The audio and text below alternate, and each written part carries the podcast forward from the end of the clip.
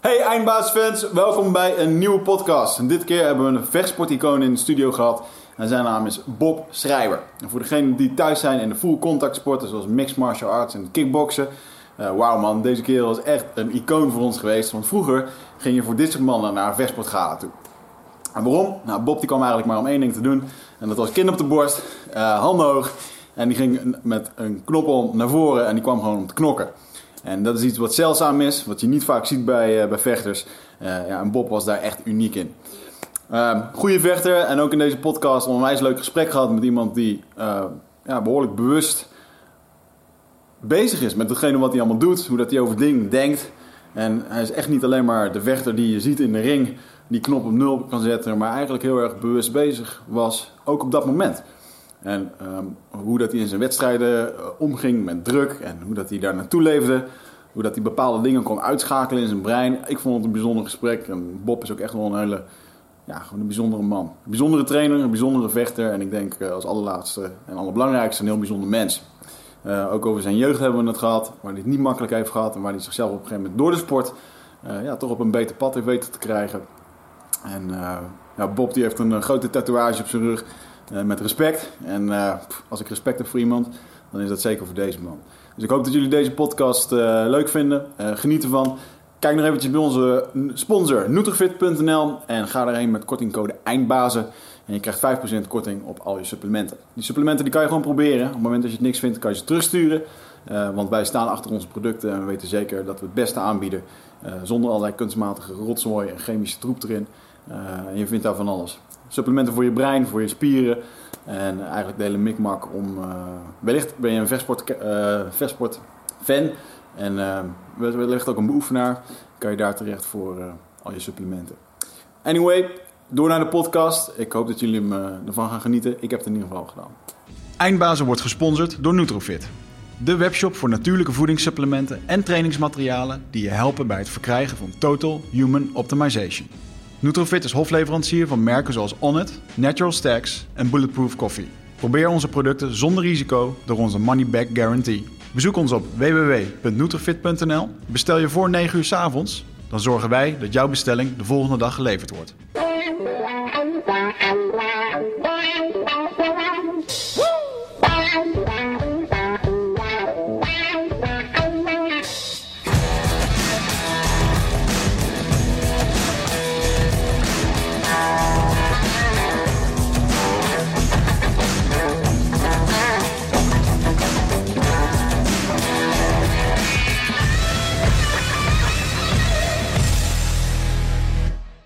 Ik, had, ik dacht dat jij Bob had uitgenodigd dat jij hem aftrapte. Ja, dat weet ik. Ja, maar ik vind dat leuk om je te verrassen. Dus. Ja, gewoon, het gewoon zo. Nou, ik, uh, we hebben vandaag gewoon twee culthelden.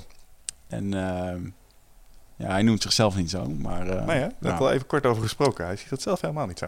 Toen ik een jaar of 16 was en voor het eerst naar uh, vechtsportgala's ging... Sporthallen Zuid en zo... Mm. Er waren altijd een paar namen waarvoor je kwam. ja, en een van die namen die is gewoon kaart Bob Schrijver. Bob Terrible schrijver. Ja, als je de bijnaam Terrible krijgt, ja, als vechter zijnde... Dan moet je wel iets goed kunnen. Ja, precies. Ja, of niet. Ja, of niet. dat kan ook inderdaad. Maar um, ja, goed, je hebt een Bob Schrijver. En ja, je bent een, een vast gezicht in vechtsportland. En, of een bekend gezicht in, uh, in vechtsportland. Je ja. Een, uh, een, ja, onwijs veel gevochten in het kickboksen en in het MMA. En je stond uh, bekend als een jongen die uh, veel kon incasseren, maar ook gruwelijk hard kon mappen. En jouw stijl, ja, die vond ik ook altijd wel bijzonder om naar te kijken. Ja, er zit, ja, ik heb dat vorige keer ook tegen Gilbert gezegd. Van, die, die had ook iets in die ring wat gewoon aanging, mm -hmm. wat veel vechters niet hadden. En dat is echt zeldzaam. En Bob, die kwam gewoon om te knokken. Als ik dat zou zeggen. Ik heb heel vaak op de tribune gezeten en dan kwamen ze en dan gingen ze weer. En ik heb er totaal niet van genoten op het moment dat ze wat aan het doen waren in die ring of kooi. Ja. En toen dacht ik, mocht ik ooit boven die post staan, dan ga ik het toch echt anders doen. Ja, jij kwam echt om te entertainen. Ja, ja. Ik uh, kijk, uh, de, de, de fans en het publiek maak je, kunnen je maken en kunnen je breken. En ik vind gewoon dat je de, de mensen moet, uh, moet vermaken als je daar staat. Hmm. En daarbij komt ook, als je A zegt, moet je ook B zeggen. Dus opgeven kwam niet in mijn uh, woordenboek voor. Ja, want het is al, nee, als men uh, tekende om tegen Bob Schrijver te gaan vechten, dan wist je zeker dat het pijn ging doen. Want opgeven deed je inderdaad niet. Nee. En je had een, uh, behoorlijke kin. Dus een ja. knock-out ben je niet vaak... Ben je ooit knock-out gegaan? Eén keer. Eén keer. Tegen? In een K1-toernooi tegen Ernesto Hoost. Oké. Ja. En het was in de finale partij, nou, daar hoef je ook niet voor te schamen. Nee, Ernesto kan het ook wel. Sowieso niet als je knock-out wordt geslagen door Ernesto. Maar inderdaad, in een MMA-partij... Nee. Uh, ja, en plus dat je gewoon... Jij hebt nog echt in de... Ja, je bent gewoon old school. Je stond gewoon... weet je, kijk, het, het, het Free Fight, zoals het toen nog heette, dat kwam toen en we snapten er gewoon nog helemaal geen bal van. Nee. Dus hè, je had toen een, een, een goede staande vechter of een goede grondvechter. En tegenwoordig als je naar de UFC kijkt, of uh, dat vind ik toch wel de crème de la crème. Uh, dan heb je, heb je gewoon een goede MMA-vechter. Mm -hmm. Een complete jongens. Ze zijn bijna niet meer naar de grond te brengen. Ze zijn bijna niet te raken. Kunnen low kicks blokken. Ze kunnen gewoon alles. Ja. En uh, toen de tijd waren we nog heel erg zoekend. Dus helemaal toen nog met scheendekkertjes, kniedekkers en open handen aan het rommelen waren. Met roperscapes en acht tellen. Ja. ja. En uh, ja, toen waren we gewoon nog heel erg zoekende van hoe het eigenlijk nou werkte. Wat is nou eigenlijk goed? Toen, Ja. toen waren we nog echt aan het verzinnen. Nou, een goede grondvechter, dan red je het wel. Dus Ja. gingen we met z'n allen grondvechten. Want dan konden we voor gemeten staand vechten. En nu hebben we gewoon het goede, het goede product eh, ontdekt. Ja, maar je hebt het over eh, inderdaad de roperscapes. En eh, voor de luisteraars die dat niet kenden, eh, Nederland is een vrij staand georiënteerd eh, land. Dus grondgevechten snapten wij sowieso niks van. Nee.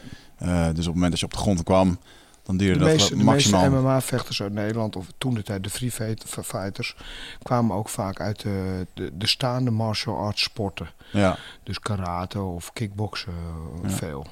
want, want nog voor die, eh, voordat jij met ropers- roperscapes aan de gang, stond je uit- op het eerste eh kooigevecht in Antwerpen. Ja. Want, hoe heb je je daarvoor opgegeven? Dat, eh jij dacht Nou, in ze, keer... ze, ze hadden een uitvalletje. Ik werd toen door Gerard Godot gebeld.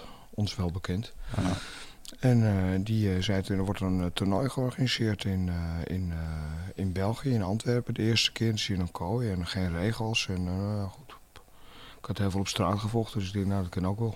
maar wat, wat deed jij op dat moment in vechtsportland dat Gerard Godot jou belde?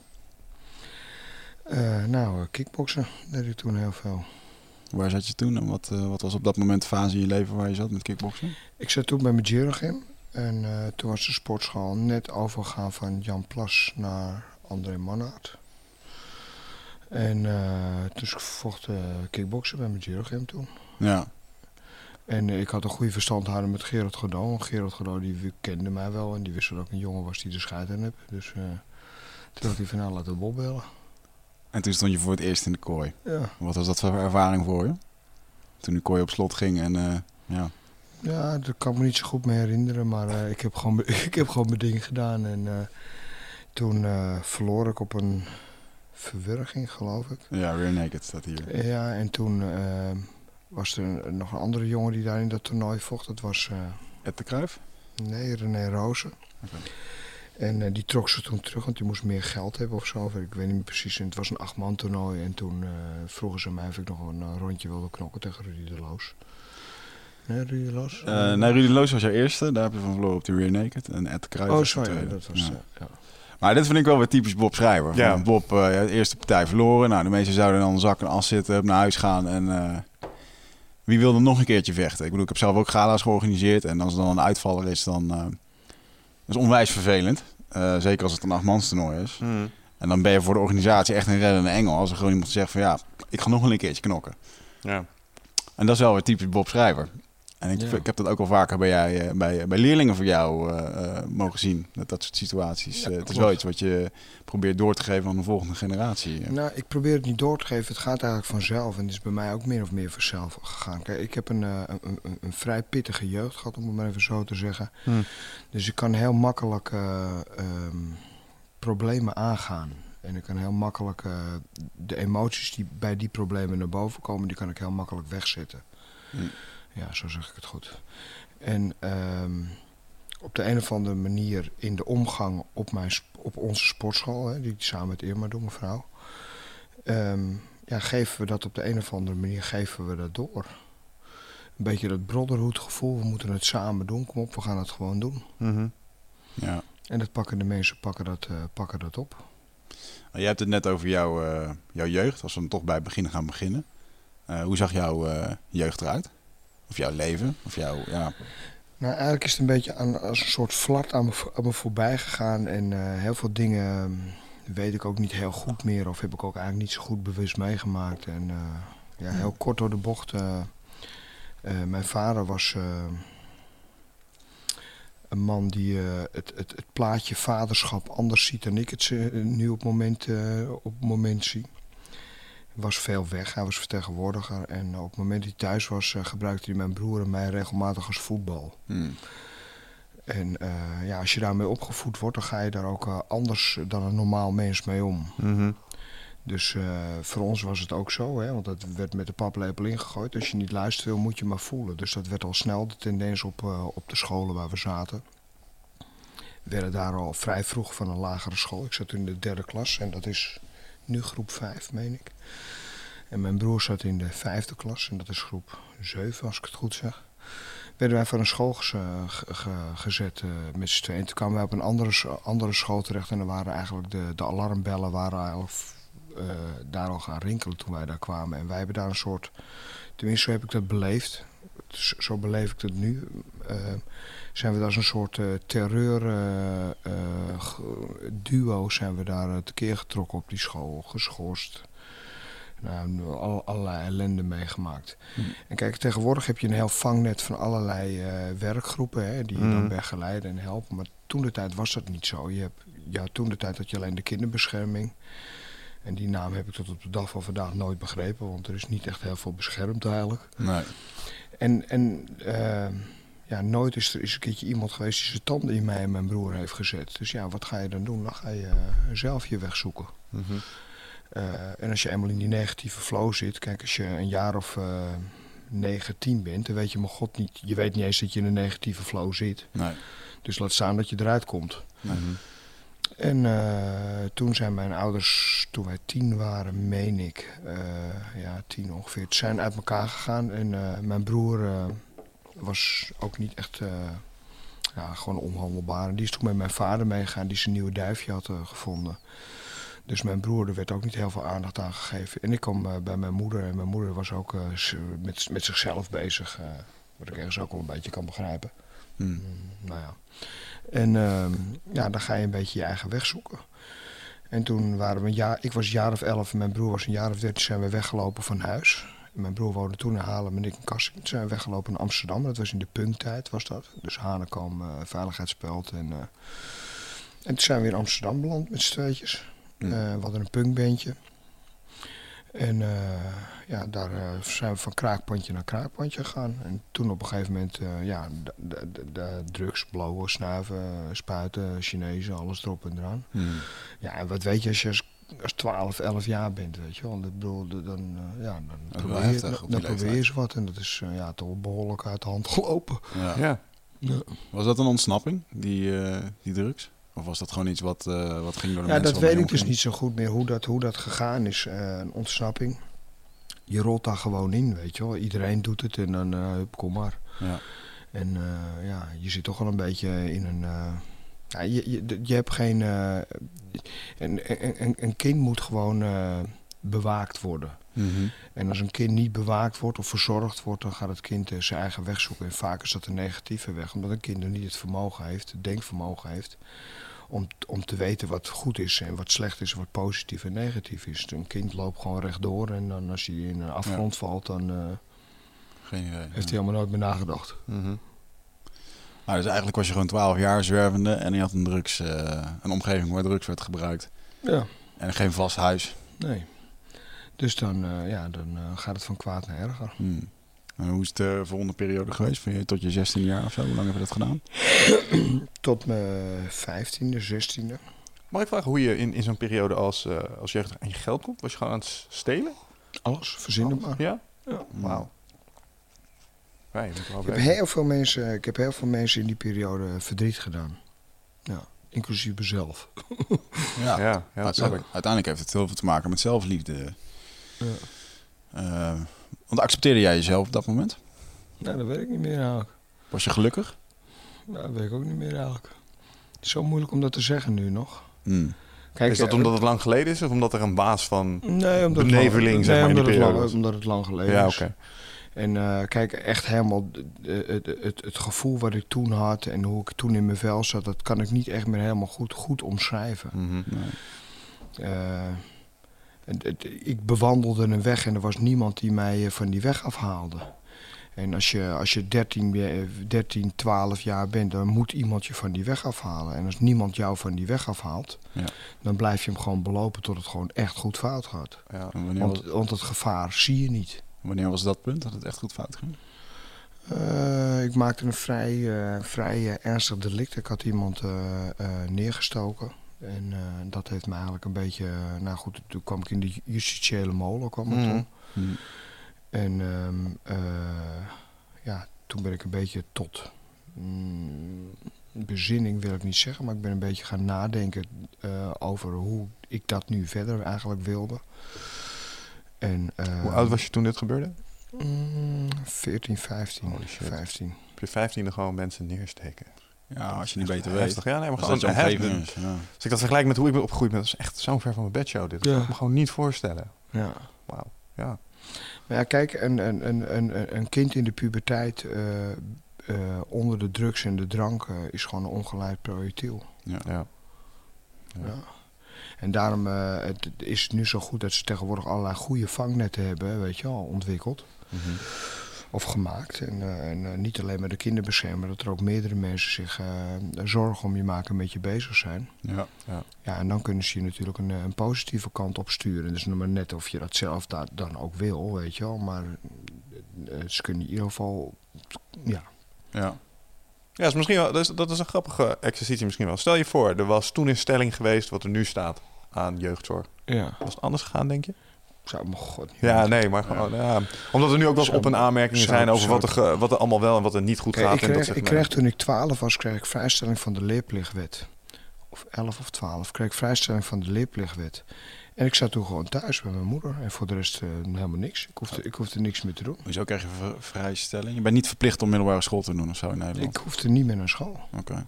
Maar ik was te jong om te werken. Want de, de- dat mag je pas als je 15 of 16 bent Ja. Ja. Kinderarbeid. En, eh, en, eh, dus ja, ik zat thuis. Ja. ja, dan is verveling eh, leidt alleen maar tot ellende. Dan Dan. was er ook nog geen internet, dus zoveel had je ook niet te doen thuis. Niks. Nee. nee. Nederland 1, 2, 3. Ja, in het zwart-wit nog Daar waarschijnlijk. kijken, we nu, daar kijken we nu ook nooit naar. Dus. Mooi. Oké, en toen, eh, nou, toen gebeurde dat. Eh, en toen heb je een tijdje in de gevangenis gezeten? Of hoe moet je Ook. dat zien? ook. En ehm, nou, op een gegeven moment eh, ehm, eh, kreeg ik wel redelijk eh, contact met mijn moeder. Toen heb ik besloten om weer bij mijn moeder te gaan wonen. En toen was ik inmiddels 15 of bijna 16. Toen ben ik een baantje gaan zoeken.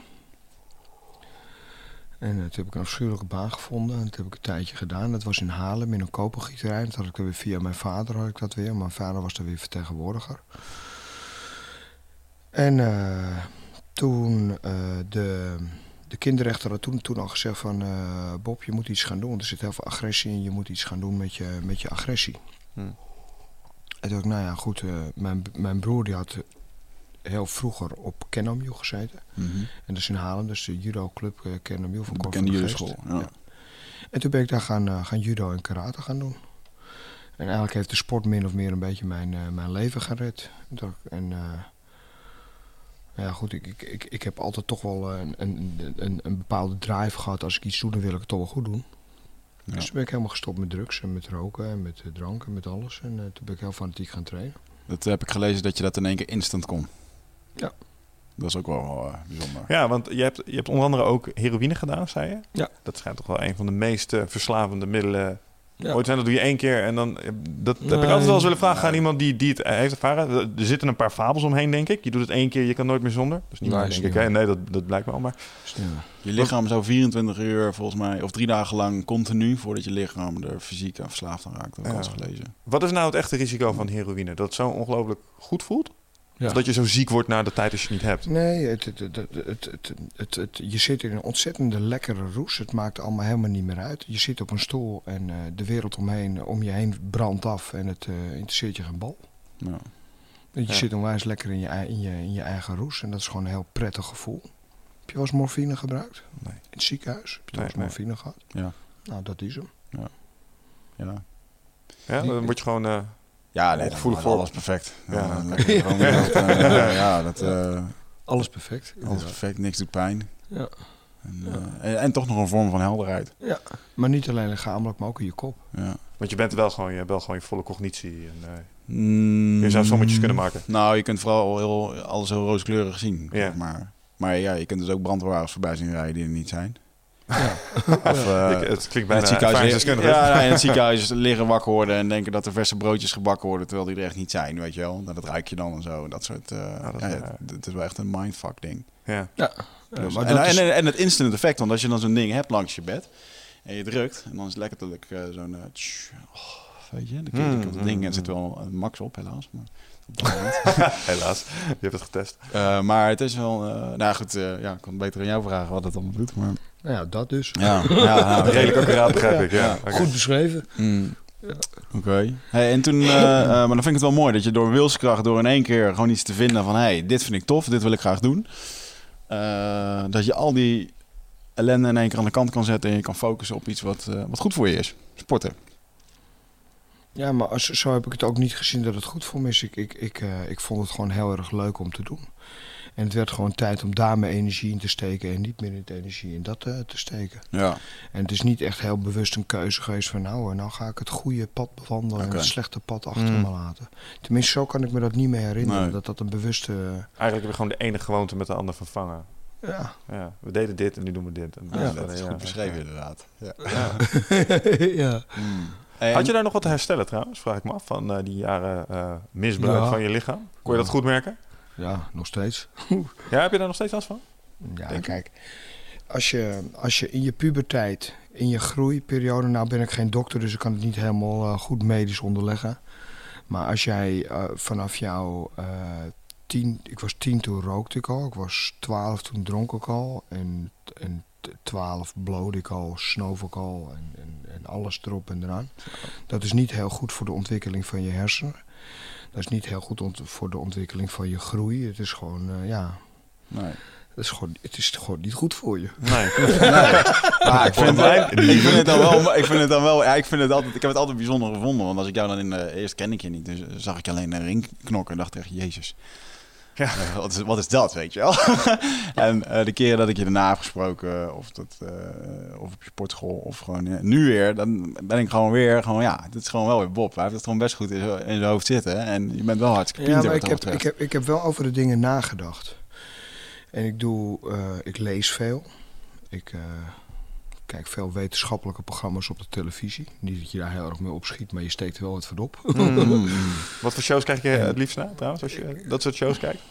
Eh, nee, ik, al- alleen maar geschiedenisdingen en natuurdingen en zo. En dat vind ik helemaal geweldig. Wat, voor, wat voor geschiedenis En- en- eh, en- interesseert je en meest? politiek, alle geschiedenis. Ik vind alle geschiedenis vind ik geweldig. En politiek vind ik, eh, vind ik heel interessant. En, eh, en eh, natuurdingen vind ik heel interessant. Oké. Dus, daar, dus, dus daar steek je ook wel wat van op. En ik vind eh, dat, je, dat je gewoon over de dingen na moet denken. Dat vind ik. Dat je niet zomaar lukraak rechtdoor moet lopen zoals ik toen de tijd heb gedaan. Dus dat heb ik wel van geleerd. Mhm. Ja, we hadden het er voor de, ehm, voor de show al even kort over dat je zat in het punkgedachtegoed, zeg maar. Ja. Ehm, is dat nog een beetje blijven hangen? Kijk je nog steeds een beetje door die bril tegen de wereld aan? Of ben je Nee, inmiddels iets, niet. iets genuanceerder daarin geworden? of? helemaal niet. Nee, Nee. achter je gelaten. was een Ja. fase. Fase. Ja, ja, ja, Ja. elk mens heeft fases. dat kan. Hey, en toen ben jij uh, bij Kenjimoe aan de slag gegaan. En op een gegeven moment kwam je met, uh, met kickboksen uh, in aanraking. Nou, kijk, wat, wat ik net al zeg, heb mijn, uh, mijn leven lang heeft in het kader van geweld gestaan. Hmm. Dus uh, mijn vader voetbalde met ons. En, uh, en wie niet luistert moet me voelen. Hè? Dus wat dat betreft kan je die knop ook heel makkelijk omzetten. Werden we twee weken niet als voetbal gebruikt. En dan gingen we net zo lang door om te sarren dat we weer als voetbal gebruikt werden. Hè? Want dat, dat hoort bij het leven, dus daar voel je je veilig bij. Ja. Dus, uh, dus je gaat daar anders mee om dan een normaal mens. Dan kom je op school en dan gebruik je andere kinderen als voetbal die niet luisteren willen. Dus uh, ja, daardoor krijg je ook een bepaalde een knopje ja. in je hoofd. Ja, daar leer je dus eigenlijk dat geweld kan werken, zo af ja, en toe. Ja. En dan kom je in Amsterdam van kraakpand naar kraakpand uh, in een roes van drugs en drank. En nou, daar is ook wel het een en ander gebeurd wat geweld aangaat. Mm -hmm. Ja, en dan mag je opeens legaal, mag je opeens gewoon lekker vechten. Ja. Tenminste, zo moet je het niet zien, maar dan wel op sportief gebied. Dus eh, ja, verliezen was voor mij geen optie. Mm. ja. Er wordt niet verloren.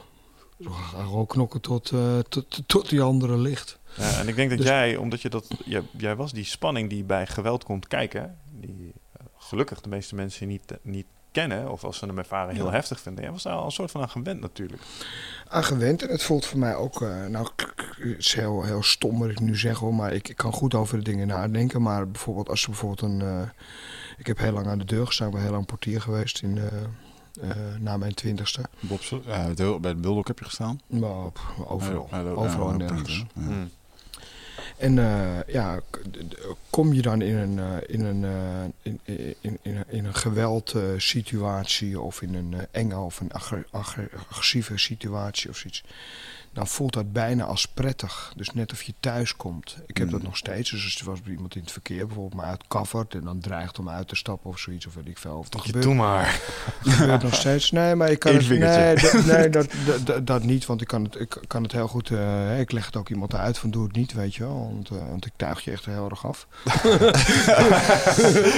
Google eerst eventjes voordat je die vinger wijst, want je krijgt Nee, er niet nee, nee, nee.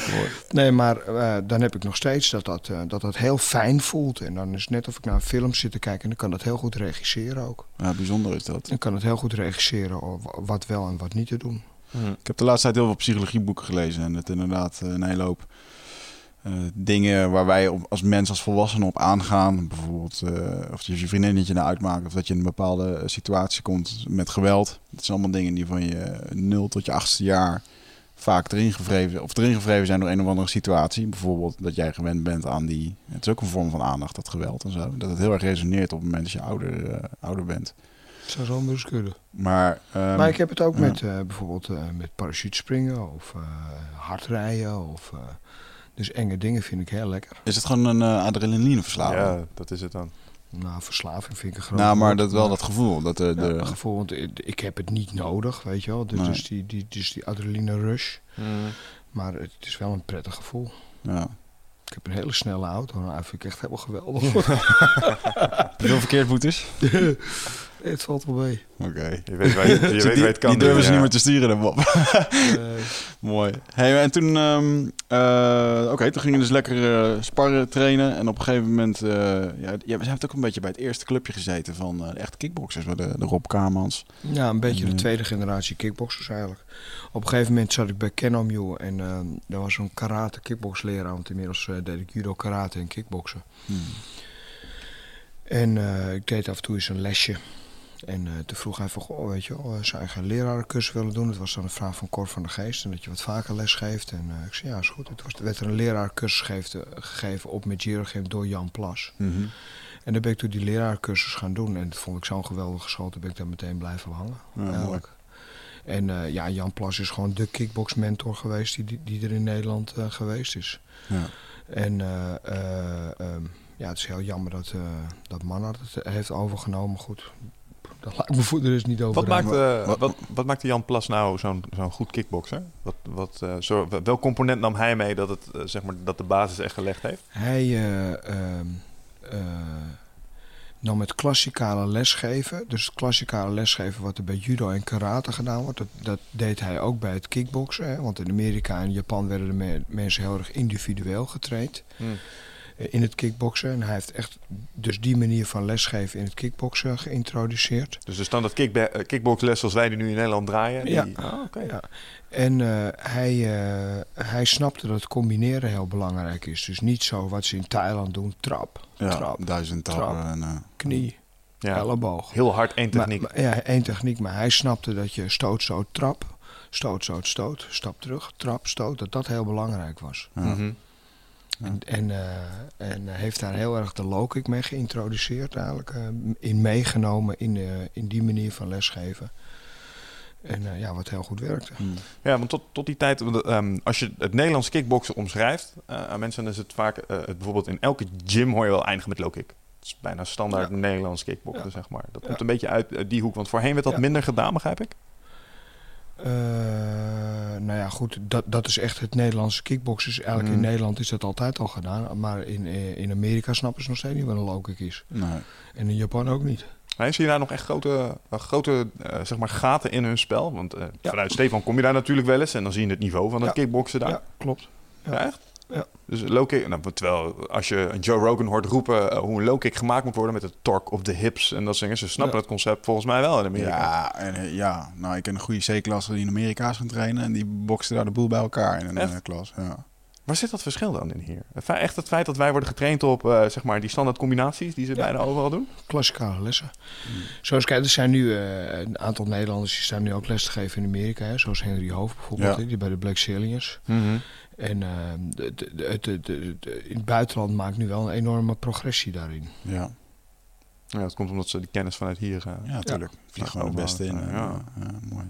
Hey, je zei net, eh, op een gegeven moment heeft André het overgenomen. En toen, ehm, waarom vond je dat eh, een mindere stap? Is dat omdat André zijn, zijn stijl minder eh, aansprak? Of? Nee hoor, André eh, is een, eh, eh, eh, eh, kan goed lesgeven en eh, kan zijn vechters goed begeleiden. Hij is een hele goede leraar, een hele goede sporter, maar qua mens is het helemaal niks. Maar ik vind het heel vervelend om te roddelen of kwaad te spreken over andere mensen. Dus dat, dat doe ik bij deze niet. Nee, da- daar zul je dan je, je reden voor hebben dat je dat eh, Ja. zegt. Eh, eh, dus was dat hem, ook de reden dat jij vervolgens dan weg bent gegaan bij Magiro? Nou, op een gegeven moment, ik, ik, ik stond, eh, eh, hij was leider en eh, hij, hij er was toen een hele grote discotheek, dat heette de Metropool, dat was in Zaandam was dat.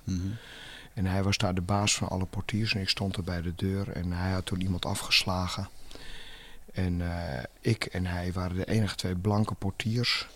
En eh, we hadden alle twee ook een blokhead en ik stond op een gegeven moment bij de deur en hij had de benen genomen. Die gasten waren teruggekomen, toen hebben ze mij onder vuur genomen. Dus toen ben ik bijna doodgeschoten geweest door hem. Oh. En dat heb ik hem heel erg kwalijk genomen. Ja. Zeg, op je geschoten? Ja. Ach, maar En- aan de deur staan, dat is ook echt een vakkenpad, jongen. Ja, ik heb dat hier ook inderdaad bij mijn eh, aantekeningen staan. Dat, eh, En toen zouden we, al- alle portiers zouden uiteindelijk, jongens, eh, we doen een vergadering. Of hij gaat weg of, eh, of we hangen allemaal ons jas op. En uiteindelijk eh, koos iedereen voor zijn brood en was ik de enige die, z'n- die zijn jas ophing. En toen ben ik dus weggaan, ook weggegaan bij mijn Girogim. Oké. Nee. dat verhaal. Ja, want als ik, eh, ik zat te denken over jouw, eh, jouw leven. Want als ik ehm, even in de zin van op een gegeven moment toen jij ging profvechten, toen je aan het trainen was, je was aan het lesgeven, en je stond ook nog een keer aan de deur. Je, had een, jij bent altijd een druk baasje geweest. Ja. Heb je ooit al eens een vrij weekend gehad in die tijd? Want je stond altijd aan de deur Nee. ook. Nou, sterker nog, je zei het net zelf voor, voor de grap hier. Dit weekend geen jongens een keer begeleiden naar een gala. Dat is Ja. een weekend vrij voor jou.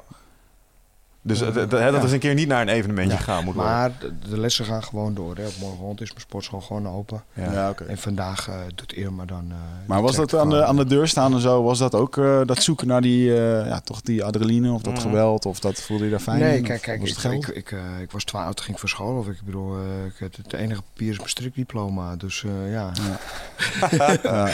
Ja, ja, dat is zo. Volgens mij heb ik die zelfs genees. Dus je, dus je, moet, dus je, moet, je moest gewoon geld verdienen. Ja. En er moet toch geld verdiend worden. Ja. En eh, zo ben ik eigenlijk min of meer eh, ja, aan de deur gekomen. Hmm. En wanneer eh, ehm, begon het vechten voor jou echt regelmatig wedstrijden en dat je daarmee ook... nou, eigenlijk op het moment dat ik bij mijn, bij eh, kwam. Dat eh, was vrij snel. Dus het was vrij snel, ja. Ja, dat was toen nog hobby. Dat was al geen... Kijk, uiteindelijk is het een soort van baan voor je geworden. Nee, helemaal niet. Joh. Ik heb er nooit, nooit één dub mee verdiend. Maar Nee, echt niet? ik, eh, m- m- het, het, het, het meeste wat ik ooit verdiende was geloof ik 5000 euro. Wat? Echt waar? Ja. Ook in Japan? Oh, Wauw, dat had ik niet Ja, want als je... Kijk, wij denken natuurlijk misschien... Nee, maar iedereen denkt dat, dat er ontzettend veel geld mee verdiend wordt. En het was misschien in mijn, in mijn, in mijn, in, mijn 130ste wedstrijd of zo. Dus, dus ik heb de eerste 100 wedstrijd voor helemaal niks. Moest ik nog eens een tientje inschrijfgeld Maar als ik dan zo betalen. vrij mag zijn, ja. waar gaat het dan mis? Want als we hier een, eh, een Gilbert eh, over spreken, die zegt, nou, dat ging best lekker toen de tijd. eh nou, heeft hij misschien de wat meer in Japan gevolgd of zo. Maar, Maar, maar, maar, maar, maar, maar wat is lekker, weet je wel? Wat, hoe hoog leg je die lat? Kijk, als ik nu de bedragen hoor eh, die bij de UFC worden verdiend, weet je wel? Ik bedoel, wat, wat is lekker? Nou, dat is ook Twee- 3000 euro als je begint, Ja, toch? Ja. Het, het, het- 2000, 2000 euro is ook best lekker. Maar ja, het, is- pff, het is op. Ja, zeker, Ja, dat- zeker als je er tien weken van moet trainen en doen. En, eh, Ja. Maar zeker in die tijd ja, was het gewoon een hobby. Dan was het inderdaad een tientje inschrijfgeld en je neus stond de andere kant op een Ja. dag later, weet je wel. Ja. En dat was de prijs, Ja. zeg maar. Ja. een stukje aluminium dat je dan kreeg na de tijd. Dat je het goed gedaan had. Ja. Ja. Een heel klein, zo'n zo'n klein grafzerkje. Ja, ja, ja, ik heb er nog Mijn twee. hele, sportschool, mijn hele sportschool staat er voor bij, want ik heb ze allemaal bewaard. Mooi is dat. Ja, maar en op een gegeven moment ben je wedstrijden gaan doen en zo. En jij zat toen al in het eh sparringsgroepje ook, denk ik, van een Rob Kaman en Ja. een, eh, Fred Royers, Lucien. Ja. Jullie hebben allemaal samen getraind, hè? En ik kan me voorstellen dat ze graag tegen jou, eh, voor wedstrijdvoorbereiding, dat ze jou graag wilden gebruiken. Want jij bent iemand die naar voren komt en die niet Ik, opgeeft. eh, ik stond wel eens buiten. Dan moest ik gewoon eh, vier minuten nadenken waar ik mijn auto ook weer geparkeerd had. Ja, want dan, dat, Ja. dat lijkt me nou zo. Ja, ik, ik herken het wel een beetje dat op een gegeven moment dat je dan aan het sparren bent, dan heb je zo'n Bob Schrijber in je team die alleen maar naar voren komt. Het is Mm. gewoon, je weet dat je aan de bak moet. maar Maar dat, was, eh, dat, eh, was, dat was toen ook zo. ja. Rob heeft gewoon, eh, ja, zo'n Rob Kaman, die mogen, die, ja, ook die heeft een kin. En, eh, Ja. eh, ik kan me voorstellen dat hij het fijn vond om, eh, om jou in je team te hebben. Om, eh, Ja. Ik heb ook heel veel met, eh, met, eh, met Rob getraind. En eh, Rob had op een gegeven moment een huis in Thailand. Daar ben ik een paar keer dan geweest, weet je. Of in voorbereiding voor zijn wedstrijden. En, Ja. ik ben veel als eh, boksbal gebruikt. Ja. Nou, dat is ook de vraag. Hoe hoog was dat niveauverschil op dat moment? Ja. Was dat gewoon, eh, iedere keer als jij erin ging, dan wist jij dat je gewoon eh eh, tikken ging krijgen? Nee, nee hoor, ik deed lekker mee. Oké, Ja. ja. Kom, oké. Ja, je deelde ook wel uit. Het was niet Ja, alleen maar nee. incasseren. Nee. Nee, nee ik, deed lekker, ik deed lekker mee. Hmm.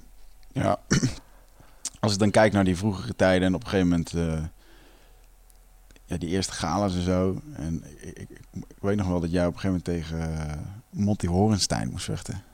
Ja. eh, die Amerikaanse Partycentrum uh, UFC. 2000.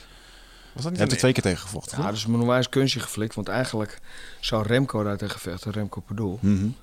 Ik moest tegen een of andere bolle, eh, bolle judo eh John- gozer. Was dat John Dix? Ja, die grote, dikke, Nee. dikke, dikke, dikke neger was Ja. John Dixon uit Amerika. Ja. Daar heeft Remco er ook een paar keer tegen gevochten, twee keer. Oh, dat zal wel. Ja, volgens mij wel. En, eh, en eh, maar ja, ik had voor, voor, voor, voor, geen- meter getraind. eh, want ja, ik, ik nam het allemaal niet zo serieus, weet je wel. We gingen gewoon een beetje trainen. En als we een beetje als we een wedstrijdje konden pakken, dan pakten we een wedstrijdje. En het was allemaal een beetje... Zien we dan wel weer. zien, we- zien we dan wel weer. En ik kon geloof ik, wat kon ik, ik kon geloof ik 500 kreeg ik of zo voor die wedstrijd. Nou, ik zat net krabbenkast, dus die 500 kon ik ook wel gebruiken. Ja, doe maar. Dus, dus toen kwam ik daar en toen eh zei ze van, nee, nee, laten we het zo doen. Dan, Remco gaat dan tegen die, eh, tegen die dikke judoer. En dan ga jij tegen die andere, tegen die mot. Dus een karate, eh, karate. Je moet een beetje, zei Bas Boon zei dat nog. Je moet een beetje uitkijken voor zo'n hoge trap, maar voor de rest eh, valt het wel mee. Ik zei, oké. Die deed al aardig mee in de UFC destijds. Die doet was toch een van ja. een Israëlisch commando of zo? Ja, ook. Ja, Ja. hè? Ja, zo'n taaie... Ja. Ja. Ja, toen had je allemaal, wat je net al zegt, weet je, geen internet en zo. Dus eh, je, je koekelde ook niet. Of dat, eh, dus nou, oké, eh, goed, eh, even uitkijken voor zo'n hoge trap. Nou, heb één hoge trap gegeven, geloof ik, die wedstrijd. Voor de, voor de rest heb je me ontzettend afgetuigd. Ja, want Ja. deze partij die wordt... toen ik vertelde, ik, eh, we krijgen Bob in de studio. Toen waren een paar mensen heel jaloers. En, en, en we zeiden van, je moet hem vragen naar de partij met eh Morty Hornstein. Want dat is echt een van de hardste partijen me- die ik, ooit had, gezien heb. Ik had mijn jukbeen gebroken, en een rib gebroken en mijn linkerhand had ik gebroken Ja. tijdens de wedstrijd. Ja, ik heb hier een aantal anekdotes die ik over jou eh, heb gehoord in de scene destijds. Dus ik ga straks een aantal vragen of dat ze waar of niet waar zijn. En een ervan is, hebben ze jou daarna met naalden in je gezicht geprikt om je weer wakker te krijgen? Omdat je gewoon je gezicht voelde je niet meer en zo? Nee. Is dat, nee, is niks van Nee. waar? Oké. Gelukkig. Nee, het was, ik, eh, ik was wel vrij, omdat mijn jukbeen natuurlijk kapot was. En Mhm. er zijn natuurlijk ook een aantal zenuwen bij geraakt. En, en die zenuwen die zijn nooit helemaal goed hersteld. Dus de linkerkant van mijn gezicht, daar is het gevoel op sommige plekken is weg. Dat verklaart een hoop. Voor een hoofdtegenstander zullen we nu denken, ah, dat was het. Daarom ging die rechter... En, en waarschijnlijk zullen, zullen ze daar dan het naaldenverhaal of zo eh, dan uitgemaakt hebben. Ah, oké. Maar we hebben er nog wel een paar voor straks. Ja, dat is wel En mooi. eh, toen kreeg ik meteen een microfoon onder mijn, onder mijn neus geduwd van AT5. Mhm. Dat is de Amsterdamse televisie- en radio eh, Ja. En die me een aantal vragen over die wedstrijd stelde, waar ik heel serieus gewoon antwoord op gegeven. En toen op een gegeven moment liepen we terug naar de kleedkamer. En eh, eh, toen moesten we een trap op naar de kleedkamer. Ja, die trap die redde ik niet meer. Dus toen ben ik voor die trap ben ik flauw gevallen. En toen hebben ze me in een ambulance. In de ambulance kwam ik weer bij. Toen moesten we naar het ziekenhuis en helemaal flikker op. Ik, ik wil helemaal niet het ziekenhuis. Ben ik, nou, die ben ik weer die ambulance uitgegaan. Maar ja, toch zat ik daar een tijdje. Nou, gaat het niet helemaal goed. Toen zijn we naar het ziekenhuis gegaan. En daar kwamen ze dus achter dat mijn jukbeen kapot was. En eh, Het zat gewoon niet in jouw systeem om daar even naar te laten kijken. En eh, je wilde gewoon dat voor jezelf. Ja, het klinkt misschien heel raar, maar het- ik, ik, ik heb nooit echt heel erg veel aan. eh, kijk, als het allemaal nog op elkaar zit of weet ik veel, weet je, dan ga ik niet naar het ziekenhuis. Dan ga ik me niet laten helpen. Het helpt toch allemaal niet. Dus dan moet je gewoon rusten en eh, een pleister opplakken en dan komt het wel weer goed, weet je wel. ja. Volgens mij met botbreuken ligt dat wel iets genuanceerder. Maar nee, nee, maar ja. kijk, kijk, als het aan elkaar zitten, dan, dan kan ik. En als het niet zo, dan moeten ze het zetten inderdaad. Ja. En dan moet je naar het ziekenhuis. Ik Mm. ben ook al een paar keer naar het ziekenhuis. gegaan. Maar als het niet nodig is, weet je, als het voor mijn gevoel dat het wel gaat, dan gaat het wel. Ja. Ja, Blijf er liever weg. snap ik. Ja. En niet dat ik er bang voor ben, maar ik vind het gewoon ontzettend de tijdverspilling. Ja. Hey, maar die partij die, die eh, kenmerkte zich ook wel door een paar andere dingen natuurlijk. Hè? De- de- daar liep het links en rechts ook wel een klein beetje misschien mis. In de zin van eh, de technieken die niet helemaal mochten. Volgens mij was dit eh, ook wel... Was dit de informatiebedrijf waarbij kopstoten voorbij kwamen? Of het trap in het kruis? Of toen hij op de grond lag dat er nog een, een Nou. techniekje nakwam? Kijk, het, het is voor mij geweest. Ik, ik, op het moment dat ik die octagon of, of kooi in, of, of ring inkruip, dan, dan wordt er gewoon gevochten. Mhm. En dan had ik ontzettende moeite om, om mij aan de regels te houden. Want er werd gewoon gevochten. Ik heb het ook, klinkt heel stom wat ik nu zeg, maar ik heb het ook nooit als sport gezien. Ik, kwam, ik kwam daar gewoon om te knokken. Ik kwam daar gewoon om, om, om, om eruit te halen. Niet Ja. goed schiks dan kwaad schiks. Ik vind, ik vind het heel typisch dat je dat zegt, want Gilbert zei hier destijds iets soortgelijks. Ik kom gewoon om pijn te doen. Is wat hij letterlijk zei, zeg maar. Dat is denk ik een Ja. bepaalde knop die je in je hoofd om moet zetten om te kunnen doen wat je daar doet. Ja. Ik heb niet zoveel wedstrijdervaring als jou, durf ik te zeggen. Wat ik met name nog weet van die keren dat ik wedstrijden vocht, is dat ik dacht, nou moet ik die gast echt in zijn gezicht gaan slaan. De, de, de een of andere vind ik helemaal niet leuk om te doen. Dus die knop omzetten vond ik heel moeilijk. Maar Ja. daar hebben gasten die er hun werk van maken, die hebben daar aanzienlijk minder moeite mee. Maar dat blokkeert je dan ook. Ja, ja, dat En klopt. daar, en daar heb ik gelukkig niet zo'n last van gehad. Nee. Ja. Nee. Dus wat je zegt is eh, in een soort van eh, ja, waas eigenlijk ga je dan ben je, ben je niet mee bezig met die, met die regels, ben je alleen nog maar bezig nee, met nou, nou, ik, ik, doe het ook, ik heb het ook wel overwogen gedaan. Dus ik heb wel overwogen eh, in het kruis getrapt. Of wel overwogen die kopstoot geven. Ik denk er ook bij na. En, eh, maar alleen vanuit een perspectief van die gast moet neer Ja, en niet ja. meer van en maar dat mag helemaal niet conform de regels. ja, Je bent klopt. strategisch aan het uitschakelen, Ja. dat doe je. Ja. En Terwijl de keren dat ik jou... Je bent heel erg respectvol naar tegenstanders. Zo ken ik jou. Want je hebt ook wel de, de, de bijnaam gehad Dirty Bob. Dat was dan meer in Japan, volgens mij. Maar tijdens de wedstrijd niet zo hoor. Ja, maar dat is juist wat er in een wedstrijd wat is gebeurd. Dat Bijvoorbeeld eh, eh, bij zo'n Dairo Matsu in, eh, in Pride maakte hij ook een... eh, een ehm, Ja, eh, dat was een, eh, een wedstrijd. Een, een sokkenkick volgens mij, na de bel. Eh, maar dan doe je dat en daarna zie ik je wel meteen van... Oh, een soort van, oh shit, ik heb het weer gedaan. En dan ga je wel weer in je... ehm, ja, van kut, ik had het niet moeten doen, sorry, sportsmanship. Je moet er toch wat van maken. Is dat, ja, is dat show? Is dat show? Ja, het was heel overtuigend. Want ik dacht van, nou ja, dit, ja, dit is typisch Bob. En hij vindt het, ja, hij vindt het ook kut. Hij wil ook gewoon sportief zijn. daarom ben ik ook acteur geworden. Ah, ja, ja, ja. Ja, ja? Maar je hebt het Ja, mooi. zo van, Gewoon- oh, dit had ik niet moeten doen. Ja, nou moet ik wel even mijn vuistje uitsteken. Zo van boksen, ja. Oké, nou dat heb je dan heel bewust gedaan inderdaad. Mooi dat je dat zo vertelt. Dat is heel eerlijk van je. ja. Nou, je bent wel een beetje een showman in dat opzicht. Want je zegt net, eh, je bent er richting acteur gegaan. Je hebt een paar typecasts gedaan natuurlijk. Maar een van de dingen die iedereen natuurlijk ook nog van jou weet... is dat je eh, ja, voor de wedstrijd zei al, ben je een beetje gemeen. Je vindt het niet erg om je tegenstanders ook tussen de oren te gaan zitten... of ze de gek aan te steken. Een van de dingen die iedereen natuurlijk nog weet is het grapje met, eh, met Sam. Daar denk je ook van Ja. tevoren echt bewust over na. Voor de mensen die het niet weten, je zou het voor de grappers moeten googlen. Maar als je niet weet wie Sam Schild is... dat is een hele lange meneer van 2,14 meter. En ehm, hoe lang ben jij Bob, als ik vragen mag? 1,80. Ja, daar zit wel een verschilletje tussen. Dus voordat de partij begon nam Bob een, eh, eh, een keukentrapje mee. En dat zette hij midden in de ring neer. En dan ging hij daarmee eh, zijn stare-down doen met eh, Sam. Dus dat was op zich wel grappig. Dus maar dat soort elementen zitten er voor jou altijd wel in. Ja. Vind je belangrijk ook? Ja. Het stukje echt iets... Ja, dat is ook wel de manier van opkomen altijd met mijn arm omhoog. En, Ja, ik denk dat je daar al een... dan sta je al 1-0 voor. Tenminste voor mijn gevoel. ja. Dus zelfverzekerd de ring inkomen. Je moet het ook wel zijn. Dus niet spelen. Anders merken mensen dat Anders wel. merken mensen Ja. dat. En zo'n trapje. En eh dat is het staat nog wat debiel op het trapje. Of, eh, nou, zo heb ik wel meer van dat soort dingetjes gedaan. Hm. En, ehm, Was dat bewust om ze uit het spel te halen? Even Ja, de kop te gaan, in de kop te gaan en, en om het publiek te vermaken. Ja. En ook om mezelf eh, zelfverzekerdheid aan te praten. Ja. Wat heb je nog meer gedaan naast het keukentrapje? Want deze is voor mij natuurlijk wel heel erg evident. Maar Eh, rare kleuren haar. eh, Je hebt nog je eh, panterkapsel gehad, hè? panterkapsel. eh, v- vreemd, vreemde broeken aan. eh, eh, nou ja. ja. Vreemde manier van door de ring of de kooi lopen. Of, eh, Ja.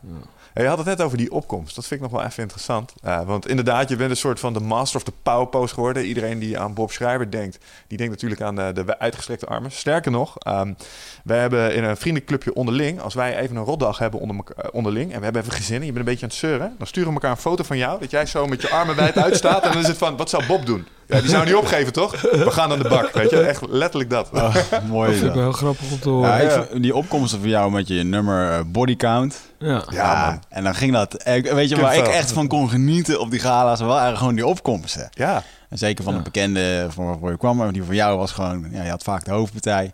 Of tenminste in de tijd dat ik naar die gala's ging. Uh, praat over 15 jaar terug of zo. Ja, ja, dat was eind jaren 90. Vroeger, ja. We worden oud, jongen. En echt gewoon, uh, dan ging dat nummer aan, body count. En dan, ja, dat was toch altijd wel echt een moment. Mm, de hele zaal uit zijn dak. En ja. ja. Hoeveel energie haal je uit dat moment? Nou, heel veel. Ja? Daar haal je heel veel energie uit. En uh, ja, de, de, ik, ik weet heel zeker dat de tegenstander uh, niet echt aan... Maar ja, goed, je voor mijn gevoel sta je dan al 1-0 voor. Ja. Had jij nog uh, een voorkeur voor als eerste of als laatste opkomen? Nee. Ik denk namelijk dat als laatste opkomen lijkt me altijd het sterkst. Nee, dat je een soort van laatste indruk achterlaat op... Dat is allemaal verkapte angst. Denk je? Ja, Conor McGregor had de laatste mooie filosofie over van vechters die altijd een speciale broekje aan willen. Ja, ja, ja. Of een ritueeltje. Op het moment als je, als je dat doet, dan is het ergens verkapte angst. En uh, betekent ja, dat je verkapte gewoon... angst. Kijk, angst...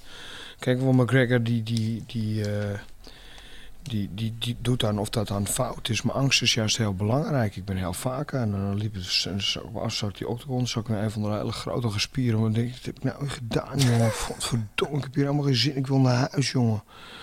Baap, en er toch wat van maken, weet je wel. Mm. Het is ook een beetje om je angst, inderdaad. Ziet McGregor ziet het wel heel goed. Maar angst heb je nodig. Want als je dat niet hebt, maak je fouten. Ja. Als jij zonder angst die hoge berg gaat beklimmen, dan flikker je naar beneden. Tenminste, die kans is heel groot. Maar door Mm. de angst blijf je scherp en, en blijf je opletten. Ja. Dus ik ben wel zeker wel bang geweest. Ik heb heel vaak momenten gehad dat ik dacht van nou, uh, als ik nu een licht, lucht op kon gaan, uh, dan wil ik heel graag in lucht op gaan. Ik heb dat heel vaak gehad. Ja. Hmm. Hoe ervaarde jij die? Uh, want op, op het moment dat jij gewoon opkwam, dan volgens mij was je dan al behoorlijk in de zone. Zo leek dat in ieder geval. Hoe uh, waren jouw momenten voor, uh, voor wedstrijden in de kleedkamer? Ja, Wat was jouw ritueel daarin?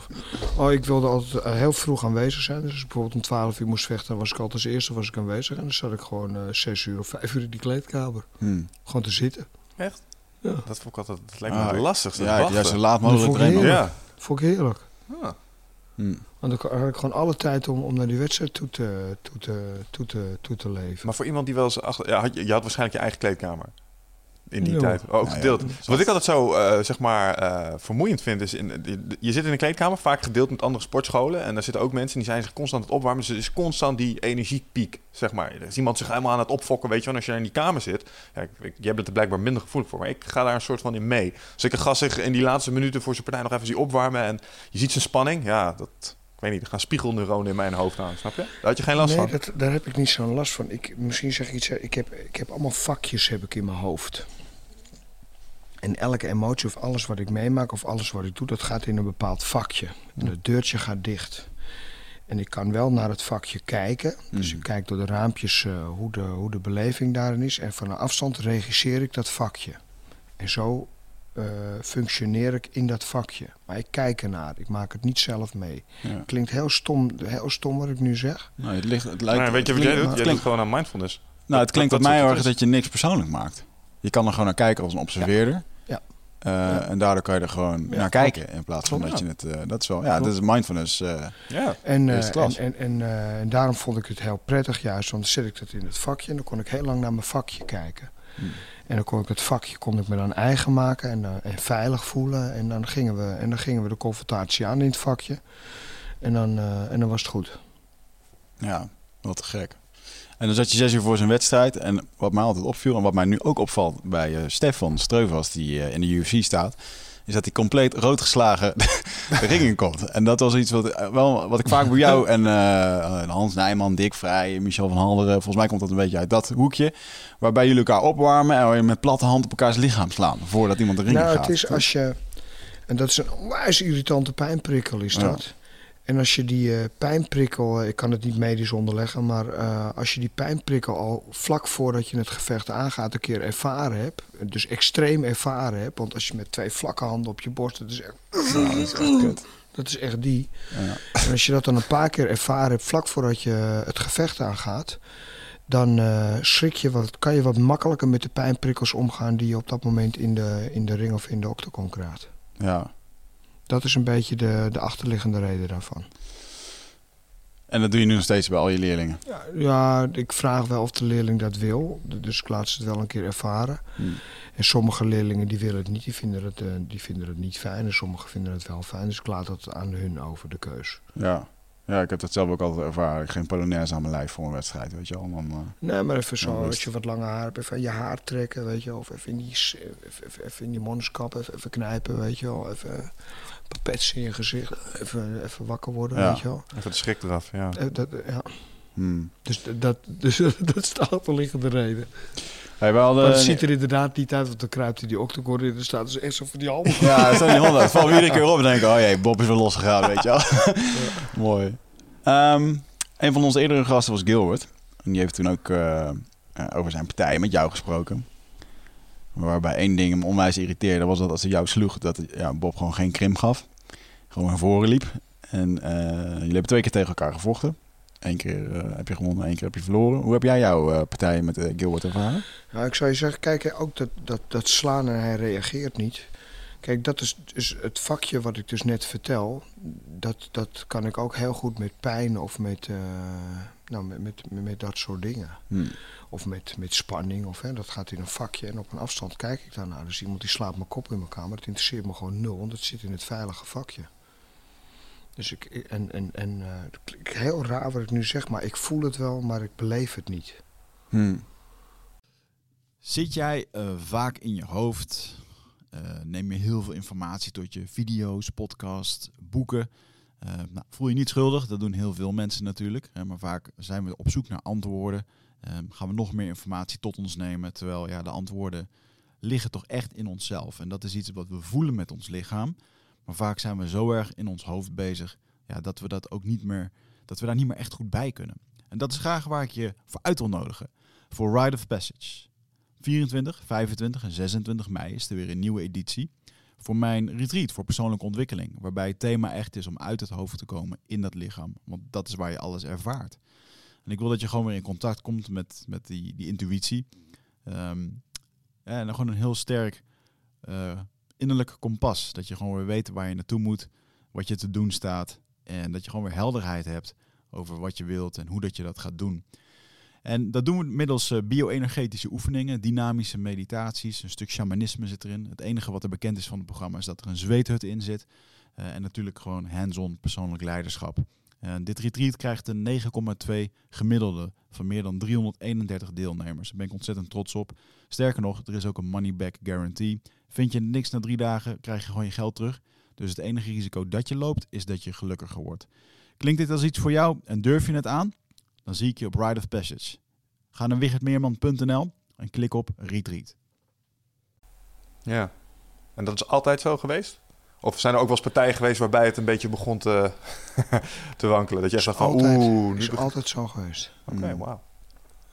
Zijn er momenten, ge- eh, zijn er in dat opzicht dan wel momenten die je misschien nog herinnert waarbij je dacht, oké, dit was wel, dit was wel echt, binnen de partij was dit echt een zwaar moment voor mij? Of, heb je, of is het na de tijd dat je kijkt, denk je, oh, heb ik dat allemaal gedaan? Nee, dat is na, nadat ik eh, klaar was met de wedstrijd. Ja. Komt er niet misschien een beetje voor uit eh, de mishandeling die je dan van je vader hebt gehad? Dat als je als, kan ik me voorstellen als klein Mhm. kind dat je eh, wordt geslagen, je weet dat je machteloos bent en dat je dan gewoon jezelf aanleert om gewoon uit te checken als het ware. Zou kunnen. Ja. Kan ik geen antwoord op geven, maar het zou kunnen. Nou, dan gaan we terug naar de vraag: hoe heb jij jouw partij met Gilbert ervaren? Ja. Gewoon één van de zoveel. Ja, voor de Nederlandse free fight en MMA-fans is dit een van de partijen Ja, van. eh, dit was. eh, dit, ja, dit is vechtsportgeschiedenis. dit is geschiedenis. Ja. Dit. ja, hoe heb ik dat ge- gewoon ervaren? Gewoon, ja, gewoon, ik heb gewoon, gewoon knokken. Ja. Gewoon geknokt. Ik heb het niet, het is niet speciaal, specialer geweest dan andere wedstrijden of zo. Je hebt niet zo ge- eh, niet Ik heb drie keer tegen hem ges- gestaan. Hè. Ja. Oh ja, dat was een Roy trilogie. toen al. Uiteindelijk ook Oh. nog de derde keer. Ja. Ja. Ja. Eén keer een toernooi. Toen heb ik hem neergeslagen. En één keer toen met die open handen. Toen pakte hij hem op een enkelklemmetje. En één keer bij een te harde hendel. Ja. Toen gooide mijn vrouw één minuut voor de tijd eh, over was de handdoek. Dat is nog een discussie geweest thuis. Ja. Ja. Maar, want er staat hier dat je TKO Dr. Stoppage als... eh, ehm, Nee, mijn vrouw gooide de hand op. Mijn vrouw besloot om niet meer verder te gaan. Nou kijk, een van de twee, ik weet niet meer welke, een van de twee eh, ogen die zat helemaal dicht. En de Hmm. andere die zat zo goed als dicht. Dus ik zag nog maar door één kiertje, want hij had me een paar keer in mijn, in mijn gezicht gekniet. Waardoor mijn ogen dus dicht zaten. Ja. Ja, dat kan die Gilbert wel. Ja, en toen, eh, toen vond mijn vrouw het genoeg. En eh, er kwam ook bloed uit mijn oog en uit mijn neus, en weet ik veel allemaal. Was, het- jij bent daarna naar het ziekenhuis gegaan omdat je gekneusde nier had, toch? Pist Nee, zo'n niet? scheurtje in mijn nier. Oh. Ja. En, eh, Ja, dat is een van die fabels. Jij hebt gewoon na een partij gewoon een keer bloed zijn urineren, toch? Ja, dat was Ja, deze. dat is dus geen fabel. Nee, dat was Nee, dat is gewoon echt waar. Ja, dat was met ja. hard, ja. Jezus. Maar goed, en, eh, maar toen ik, eh, dus ik werd heel boos op mijn vrouw. En ik zei, Flaba, kijk maar. Toen kwamen we in de kleedkamer. Toen trok ik zo één oog zo een beetje open. Toen keek ik zo tegen hem. Ik zei, nee, dat is toch een goede beslissing, lieve schat. Sorry, schat. Ja, want voor de mensen die dat niet weten, ehm, Irma, eh, die, eh, nou ja, daar heb je samen de sportschool mee. Eh, Ja. die is al jaren bij jou, ook in je hele vechtsportcarrière, maar is zelf ook een vechtster.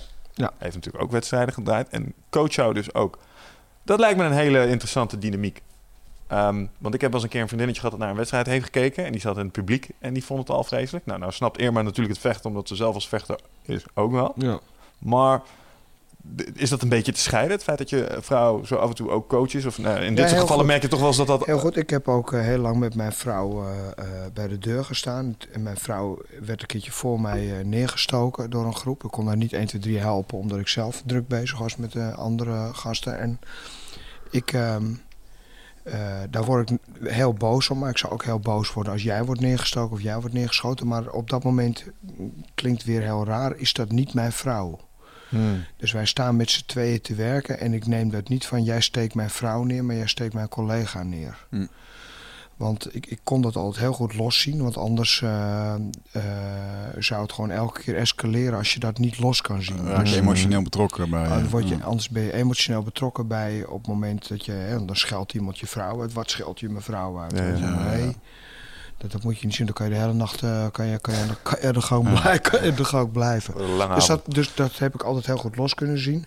En dat heb ik ook met wedstrijden heb ik dat heel goed los eh, kunnen zien. Ja. Dus ik sta gewoon mijn eh, pupil of mijn leerling, of weet ik hoe ik dat noem, sta ik gewoon te coachen. En daarna is het weer mijn vrouw. En, da- en, en, en daarvoor is het mijn vrouw, maar tijdens is niet mijn vrouw. Ja, is wel, maar ja goed. We hebben elkaar leren kennen eigenlijk. Ik gaf les op een sportschooltje in Krommenie en daar kwam zij toen binnen. En ik ben heel onhandig met vrouwen. Vertel. Ja, dat kan. Gewoon. Nou, dat, dat, ik, ik, ik heb dat allemaal niet zo door. Nee. ik zie dat allemaal niet zo. Dat hebben we geen van allen. Geen Ik ben, ik ben daar een enorme kluns in. Ik word er ook heel verlegen van als iemand wat een vrouw complimenteus is of wat zegt of weet ik veel. Weet je. Ik, ja, Ja. ja, ik vind- ik word er heel ongemakkelijk van. Het is bijna aandoenlijk. Heb je een, eh, eh, grote dategeschiedenis? Heb je veel vriendinnetjes gehad? en Nee, helemaal eh, niet, jongen. nee? Bijna, bijna niks. Helemaal nee. Nee, mooi. Ook niet. Maar dat vind ik ook hoofdpijn, jongen. Het is toch allemaal, ik, vind het. Daar kunnen we het allemaal ook wel mee eens zijn, denk ik. ja. Hoofdpijn zegt hij. Ja, hij heeft meer dan 60.000 eh, klappen gekregen. mooi. Nee, maar dat dat- dat daten, weet je wel. Ik zie eens jongens dan op de sportschool hebben ze twee telefoons bij zich. En dan, ik vind het... Oh, zo, ja. Dat is ook weer het andere extreme. Maar, Ja, eh, dus inderdaad weer het andere extreme. Maar goed, dan denk ik ook, pff, jezus jongen, wat, al die moeite voor een vingerhoedje stijfsel, weet je wel. Ik bedoel. Oh, oh, oh. Maar goed, toen, eh, mijn vrouw heeft alle vlaggen en wimpels uitge- uitgehangen. En eh, wat ik helemaal niet door had. En uiteindelijk eh, ja, hing ze gewoon op een gegeven moment de tong in mijn mond. Ja. ja. Toen, toen Als je zag dan ik- niet toen luistert, zag wel. ik het. nee, nee, dit is wel heel kort door de bocht. Maar, Mooi. maar mijn vrouw heeft heel, heel erg de best gedaan om mij te schaken. Wat er uiteindelijk gelukt is. Ik ben er nooit meer vanaf gekomen. Nee, nou, gelukkig. Jullie, lijken, jullie lijken een mooi stel samen dat elkaar goed Nee, mijn, vrouw is echt, mijn, mijn vrouw is echt mijn vriend. Ik hou onwijs veel van mijn vrouw. Mijn vrouw is echt is mijn alles. Is alles voor mij. Echt, ik doe alles voor mijn vrouw. Hmm. Ik ben heel erg pleasend. Ik wil heel erg alle problemen die ik in mijn leven heb gehad, weet je wel, wil ik altijd voorkomen dat zij problemen krijgt. Dus ik neem ook, en dat is soms heel irritant. Ik, al het werk uit handen. Ja. Dus ik doe zoveel mogelijk thuis. Ik doe zoveel mogelijk op mijn werk. En, eh, en, en zij doet ook heel veel thuis hoor. En zij doet ook heel veel op, op, op ons werk, weet je wel. Het is niet dat zij de hele dag niks doet. Dat is het zeker niet. Nee. Want het bedrijf runnen is gewoon heel veel werk en is gewoon heel zwaar. Hm. Maar ik, ik, ik wil gewoon eh, dat zij zich altijd goed voelt. Dat wil ik gewoon heel graag. Mooi. Dus ik ben heel erg pleasend. Ja, Echt een gentleman. Ja, mooi. En eh, dat ben ik ook naar mijn kinderen en dat ben ik ook naar mensen op mijn school. Ik wil heel graag dat mensen zich fijn voelen bij me. Hmm. Fijn voelen en gelukkig zijn, dat wil ik heel graag. Dat doe ik echt mijn uiterste best doe ik daarvoor. En ehm eh, eh, ja, goed, wat ik net zeg, mijn vrouw is echt mijn vriend. En ja, we doen echt alles samen. Dat ik Hmm. hier nu alleen zit is heel raar. Ja. Je had hem mee mogen nemen hoor. Ja, dat weet ik, maar ze Hey. moest de sportschool doen. Ik kan me herinneren, ik, deed nog een keer een interview met jou in Amsterdam eh, bij een café. Toen was ik een jaar of 16, toen schreef ik voor een internationaal magazine of zo. Deze mannetje was je vroeger ook al. kwam je, kwam je samen. Ja, maar ja, ik wilde gewoon in contact komen met de Gilberts en de. Bobs. En, eh, weet je? En door Bob, eh, doordat ik dat interview met jou heb gedaan, staat mijn naam weer in een boek over eh mixed martial arts. Dat NAB, NHB, No Holds Barred, Amerikaans boek Oh, of zo. ja. Ja. En eh, stond ik op mijn negen, op mijn 18e stond ik in een, eh, in een boek gedrukt. Eh, dus dat was ook weer de win-win. eh, Ja. ja, lach was dat. En toen kwam je inderdaad samen met Irma. Ja. Ik heb jullie eigenlijk nooit afgezonderd gezien. Nee, wij zijn altijd samen. Mooi stuk. Zij heeft wel een eh, bijzondere eh, escapade gemaakt eh, in, in Nederlandse vechtsportgeschiedenis. Om een keer tegen een man te vechten. Ja. Ja. Wat vond jij daar? Wat vond jij ervan? Ik had dan altijd zoiets van, ja, maar waarom zou die man tegen haar willen Wat vechten? hij te Je hebt alleen maar te? Ja, verliezen. ja. Terwijl, ja, Hij kan maar verliezen, als je wint, ja, een vrouw gewonnen. En als je verliest, dan kun je verhuizen. ja. Ja. Ja, wat hem bewogen heeft, dat weet ik niet. Dat zou je hem zelf moeten vragen. Ja, en Irma ehm, ja, wilde dat gewoon heel graag doen. We zijn altijd heel grensverleggend bezig. Hè. Ik begon met karate, kickboksen, octagon. eh. Ja, mijn vrouw staat een beetje in meegaan in die flow. Ja. Ik wilde heel graag een keertje tegen twee man vechten. Dat wou ik nu aanhalen, want dat zei ik dan ook in dat interview. Dat had nog eens een keertje. Maar dat en, eh, kregen we niet voor elkaar. nee. Dat vind ik gewoon een heel erg uitdaging, vind ik dat. En dan helemaal niet, eh, ik sta helemaal niet stil bij het gevaar of wat dat dan gaat. eh, en gewoon doen. Heb jij die, eh, die vorm die ze nu in Rusland hebben wel eens gezien dan? Twee Ja, teams van... super. eh, ja, vind je mooi? Ja, vind ik geweldig.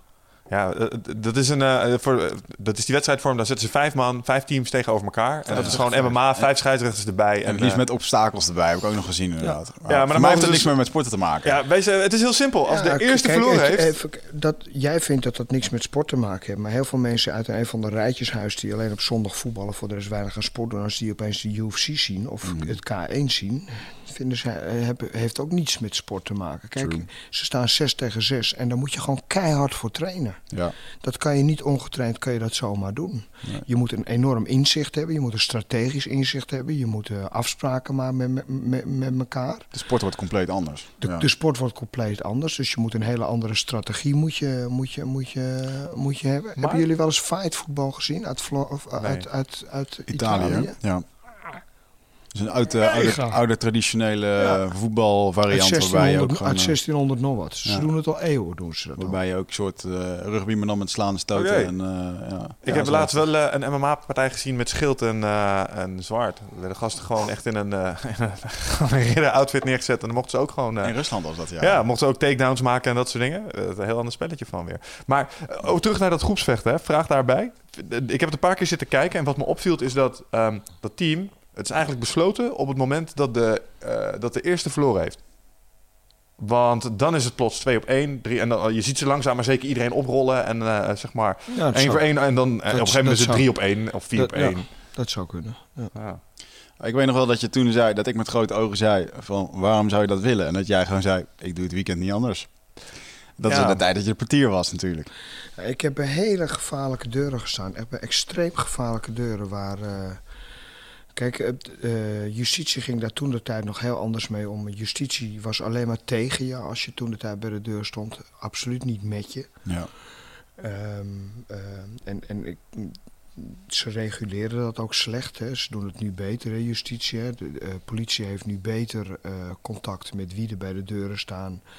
Doen regelmatig vergaderingen ehm, om gewoon te weten wat er in zo'n tent leeft. Mm. Maar vroeger was dat helemaal niet zo. Er liepen er twee wijkagenten liepen langs.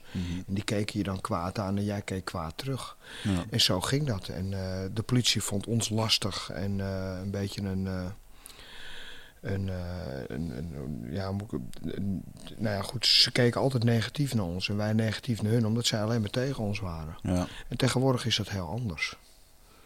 Maar jij hebt een keertje een. eh, eh, ja, je bent eigenlijk een keertje zo'n soort slachtoffer van dat systeem geweest. Omdat je een keertje iemand. eh, die is gevallen op een stoep toen, hè? Die is in coma geraakt.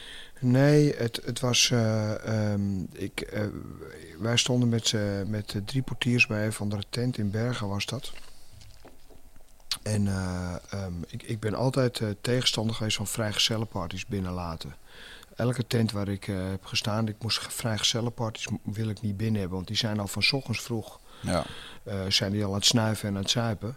En als je dat dan binnen hebt, weet je, die zijn al helemaal van het pad af. Dus er hoeft maar dit te gebeuren. Hè. De, de, ze zijn met z'n allen vrijgezellenparty, dus eh, alle vrouwen, daar mogen ze aan zitten. En het, het is gewoon lastig om dat in je tent te hebben. Ja. Dus wij weigerden dat bij de deur, maar er waren er inmiddels al drie naar binnen gelopen. En nou goed, uiteindelijk accepteerden we dat, dat we ze weigerden. En eh, ze zijn dus, die drie die al binnen waren, die waren weggegaan. En eh, uiteindelijk, half uur voor sluitingstijd, eh, was er, was een van de motorbende, was dat, eh, kwam er een groepje terug, want die moesten iemand uit die kroeg halen. En eh, nou, wij lieten ze dus niet binnen. En mijn collega, die ook een oud kickboxer, zal zijn naam niet noemen, maar... En die werd eh, neergeslagen door, eh, die kreeg een stomp op zijn oog eh, van degene die vooraan zat. Dus zo wilden ze eigenlijk massaal, wilden ze dus de tent binnen, binnenkomen. Om te kijken of hun vriend nog binnen was. Die andere collega die vruchtte meteen de tent in, die was weg. Hmm. Dus toen stond ik nog in mijn eentje eigenlijk aan de deur. Dus toen ben ik al vechtend ben ik naar buiten gegaan. En toen ik buiten stond, heeft dus de, de collega waar ik dus mee werkte, die gooide de deur dicht. Dus toen stond ik in mijn eentje buiten met een halve motorgang. Oh. Ja. Tegenover drie vesten. Hè? Tegenover drie vesten. Hoe bedoel je? Nou ja, die jongens hebben toch vaak vestjes aan. Eh, ja, met z'n- van die afgeknipte mouwtjes. Ja, ja. En eh, ja, dan, dan doe je gewoon je uiterste best om, eh, om daar eh, levend uit te komen. ja, te overleven. Ja. Dus er- daar zijn over en weer zijn wat klappen gevallen. En daar is er eentje van hun is daar heel slecht uitgekomen. En eh, toen ben ik dus direct vastgezet. En toen hebben ze dat letsel hebben ze mij in mijn schoenen willen schuiven. Maar wat was er aan de hand? De arts die hem geopereerd heeft, want namelijk zijn altvleesklier was gescheurd. Hmm. En daar zitten sappen in die eh, heel erg slecht zijn voor de anderen. Dus dat had zijn buikspieren, gedeelte van zijn maag, gedeelte van zijn darmen aangetast. Dus hij heeft op de ja, levensgevaar gelegen. Maar als ik de altvleesklier met geweld had moeten scheuren. Nou, even een medisch praatje. Maar dat zet ik me ja. wat moet je doen om dat bij iemand te bewerkstelligen? Dus dan had er letsel gevonden moeten zijn, stompletsel, Mhm. gevonden moeten zijn op zijn romp eh, of op zijn buik. En dat is nooit gevonden. En via zijn rug, dan had zijn rug gebroken geweest moeten zijn. Ook dat is niet gevonden. Maar er is wel een beginnende ontsteking op zijn altvleesklier gevonden. En een ontsteking, een ge- geïrriteerde altvleesklier, hè, het is de voorfilter of het is een filter van, eh, van drank en drugs en het is een Mhm. filter van je lichaam. Mhm. Dus, eh, en dan zou het kunnen zijn dat in een stresssituatie, dus die ontsteking, spontaan knapt. Ja. Dat was de lezing van de chirurg die hem geopereerd had. En eh, ehm, eh, die wilde niet zeggen dat meneer Schrijber dus schuldig was aan het letsel. Ik kan niet zeggen dat meneer Schrijber daar schuldig aan is. Hoogstwaarschijnlijk niet, zei hij daardoor. Dus er is nooit een bevestiging geweest dat ik dat letsel veroorzaakt heb. Ja. En toch hebben ze dat in mijn schoenen willen schuiven. En die rechtszaak heeft ongeveer negen jaar heeft dat ongeveer zeggen, geduurd. dat Dat heeft heel veel geld ja. heeft gekost, ja. Lange tijd geduurd inderdaad. Om een opluchting geweest zijn dat je daar... Want daar ben je goed uitgekomen uiteindelijk. ja. Ik, eh, de, de zaak is niet ontvankelijk verklaard. En dat wil zeggen niet schuldig, niet onschuldig. Ja. En ik ben helemaal doorgaan tot de meervoudige kamer in Den Haag. Neem jij eh, dat soort dingen ehm, persoonlijk dat collega-portiers ehm, op zulke momenten in één keer dachten van fuck it, ik kan Ja. niet aan, ik vlucht Ja, naar binnen of dat vroeg ik me eh, ook af. Ja, trek, ja. de deuren dicht trekken. Ik, zijn- vind, ik vind dat je nooit iemand in de steek mag laten. Nooit. Dat mag Hmm. niet. Een soldaat laat zijn vriend niet achter op het front. Je rent niet weg, dat doe je niet. Nee. En dat doe je met alles. Ik vind dat ik ook met mijn mensen op een sportschool doe. Hè. Als iemand bijvoorbeeld, eh, ik, ik zeg maar wat. eh, bij mij op een sportschool traint iemand en zijn vrouw is heel ernstig ziek. Nou, daar ben ik gewoon helemaal bij betrokken, weet je wel. Dus of ik hem kan steunen, of ik hem even, Ja. eh, weet je wel. eh, als hij tegen mij zegt van Bob, zullen we een paard gaan aaien? Dat helpt me heel erg. Dan gaan we met z'n tweeën een paard aaien. Weet je wel, ook dat vind ik dat je iemand niet in de steek mag laten. Want ik zou het ook heel fijn vinden, hè. behandelen anders zoals je zelf behandeld wil worden. Ja. Dus ik zou het ook heel fijn vinden als mijn vrouw ziek zou zijn. Weet je? Want ik heb behoefte om een, met, om een paard te aaien. Dat hij dan even met Ja. mij meegaat om dat paard te aaien. Dus er is, er is geen begrip voor, eh, eh, voor dat soort situaties. Voor mensen die in de stress. Nee. Maar ook in wedstrijden zie je het ook. Dat mensen in de paniek eigenlijk er helemaal niet willen zijn. En Ja. dat is gewoon aftikken. En, of dat en, ze- en natuurlijk is dat een mindset, hè? want iedereen zit anders in zijn hoofd eh, in elkaar. Kijk, het kan dat iemand in een ontzettende angst stuip schiet en daardoor het hazenpad kiest, maar daardoor laat hij me wel aan de steek. En eigenlijk kan je Ja. hem dat niet kwalijk nemen, omdat dat anders bij hem werkt dan dat bij mij het is werkt. niks persoonlijks. Sterker nog. Het is vaak niet eens persoonlijk inderdaad, Ja. maar ja, toch. Het gebeurt Ja. hem. Het gebeurt hem. Het is echt fight or Het flight. gebeurt. Eh, het schijnt namelijk dat in de Nederlandse wet eh, is een van de dingen die eh, is echt strafbaar is als jij doorrijdt naar een aanrijding. Dat is strafbaar. Maar er zit een clausule in de wet dat ehm, als jij doorrijdt, dat je 24 uur de tijd hebt om je alsnog te melden. En dan is het net alsof je niet bent doorgereden. En dat is omdat ze er rekening mee houden dat sommige mensen gewoon echt een, in een schrikreactie echt Ja. de benen nemen. Ja. Gewoon omdat je hersenen zeggen wegwezen hier. Ja, En dat jij echt niks meer te vertellen hebt over of je dat nog gaat doen of niet. Ja. Dat, dat, daar kies je niet meer voor op zo'n moment. Maar ik kan me wel voorstellen dat als je dan in, als jij daardoor in een levensbedreigende situatie komt en je ziet die desbetreffende meneer daarna weer, ja, dan kan ik me voorstellen dat je daar wel ernstig zagrijnig van wordt. Dan heb je wel even een woordje te wisselen met zeker elkaar, met denk een ik. hoop, hoop emotie en Tuurlijk. een hoop... eh, ja. Dat klopt. Wat, eh, eh, wat een situatie aan de deur geweest waarvan je dacht van... Nou, dat was echt gekkenhuis. Dat, eh, dat nooit Oh. meer. Ik heb er zoveel. Ja, want wat maakt Ja, je had het net nou- over gevaarlijke deuren. Wat Doe- maakt doe het- gevaarlijke geef, deur? het, geef de top 3. Dit is even puur RTL 4 entertainment wat ik nu vraag. Maar eh, Nou, is, ehm, schietpartij bij, eh, dus wat ik net zeg, in Sanam in de metropool. Ehm, dat ze me opstonden te wachten bij een garage waar ik mijn auto had geparkeerd op me onder vuur namen. wow. En eh, één keer, dat is toch de meest spectaculaire. Ik weiger iemand aan de deur en op dat moment trekt hij een pistool en hij haalt zijn slee naar achteren en de kogel die ketst. Dus de kogel die schiet scheef in de kamer. Hij doet klik, klik, klik en hij begint daarna die slee weer recht te krijgen om die kogel weer in de kamer. En ik bevroor. En dat, eh, terwijl ik de schietpartij daarvoor twee keer heel goed had gehandeld, maar op dat moment bevroor ik. En ik, het ging echt als een soort vertraagde opname, weet je. Ik regisseer, maar ren daar naartoe, maar ik kon er niet meer naartoe rennen. Hmm. Dus ik stond gewoon te wachten om afgeknald te worden. En gelu- gelukkig had ik een hele goede collega, die rende om mij heen. En die sloeg hem neer. En op het moment dat hij hem neersloeg, toen was ik weer wakker. En toen eh, heb ik hem natuurlijk eh, geholpen met... eh, Afranselen. Het verder onder controle brengen van de situatie. Ja. De stabiele zijligging, zullen we dan maar even zeggen. Mooi. Precies. Ja. En, en daar heb ik heel lang last van gehad. Dat is toch de meest spectaculaire. Is dat Ja, Last ik van heb gehad. Ja, daar heb ik heel veel. Want dan ga je de, de, de doemscenario's, hè, de ja maar als vraag. Hè, Mhm. ga je zelf dan stellen, ja maar als. Voelde Ja, dat als een falen dat je daar niet hebt kunnen opereren? Zo van, Ja, op het moment dat zeker. dat ding blokkeert, zou je denken van dat is het moment dat je hem moet. Zeker. Mhm. Ja. Maar daarom zijn er, hè, heel veel mensen zeggen wel eens van ja, als me dat of dat gebeurt, dan doe ik dat of dat. Ja, dat kan je helemaal van tevoren nooit beetje- zeggen. Nee. Ja, everybody has a plan. Ja. Een plan, maar nou het plan nog uitvoeren in, eh, in een stresssituatie. Ja. Daarom hè, heel veel mensen zeggen van hè, ik, eh, ik eh, het, het trouwen, hè, ik, ben, het zijn, te- ik ben heel trouw, weet je, zeggen ze. Ik ben heel trouw, mijn vrouw, ik ben heel trouw aan die, maar in een levensbedreigende situatie zijn er maar heel weinig mensen trouw. Hmm. Mhm. Ja, maar dat sluit een beetje aan bij waar we het net over hadden. Er zit iets in jouw hoofd dat ervoor wil zorgen dat jij het gewoon overleeft. En het is heel moeilijk om dat te negeren als dat aangaat. Precies. Dat, dat zit er gewoon voor. Maar eh, wij, wij gisteren toch? We hebben gisteren hetzelfde ondervangen. We vertelden je net, we hebben zo'n eh, Marine Experience gedaan. Ja. Zijn we, een paar van die defensiejongens zijn we over de kling gejaagd. En dan word je in moeilijke situaties geplaatst onder stress en druk. Eh, en dan denk je, nou, als ik in zo'n team zou zitten, eh, buddies for life en je, en je zorgt voor elkaar en dat soort dingen. Maar als de druk Ja. begint op te lopen, Ja. dan begin je al uh, akelig kortaf te worden tegen elkaar. Je bent vermoeid en je hebt geen zin meer. En Ja. moet je nagaan als het, Ja. en dit was gewoon allemaal fake en dat weet je ondertussen, als het inderdaad echt Ja. levensbedreigend wordt. Ja, nou, ik ken het ook nog wel uit mijn ringpartij. Dat ik, ik was gewoon Braziliaanse jiu vechter. moest gewoon naar de grond. En dat was ook gewoon de strategie. Ja. Ik wilde gewoon zo snel mogelijk uit die ring. Dus ik opende gewoon met een vliegende knie die we helemaal niet hadden getraind. Maar ik dacht van als die er nou op zitten, dan, dan komt het goed. En eh, ook wel grappig wat je zei van als je, het, als je het faked, dan is het ook niet echt. Ik weet nog wel, de eerste partij was ik heel voorzichtig. En eh, vervolgens dacht ik van nou, ik moet agressiever in. En toen ging ik van de Lei Silva-stijl-achtig erin. Helemaal mezelf opfokken, briesen en doen.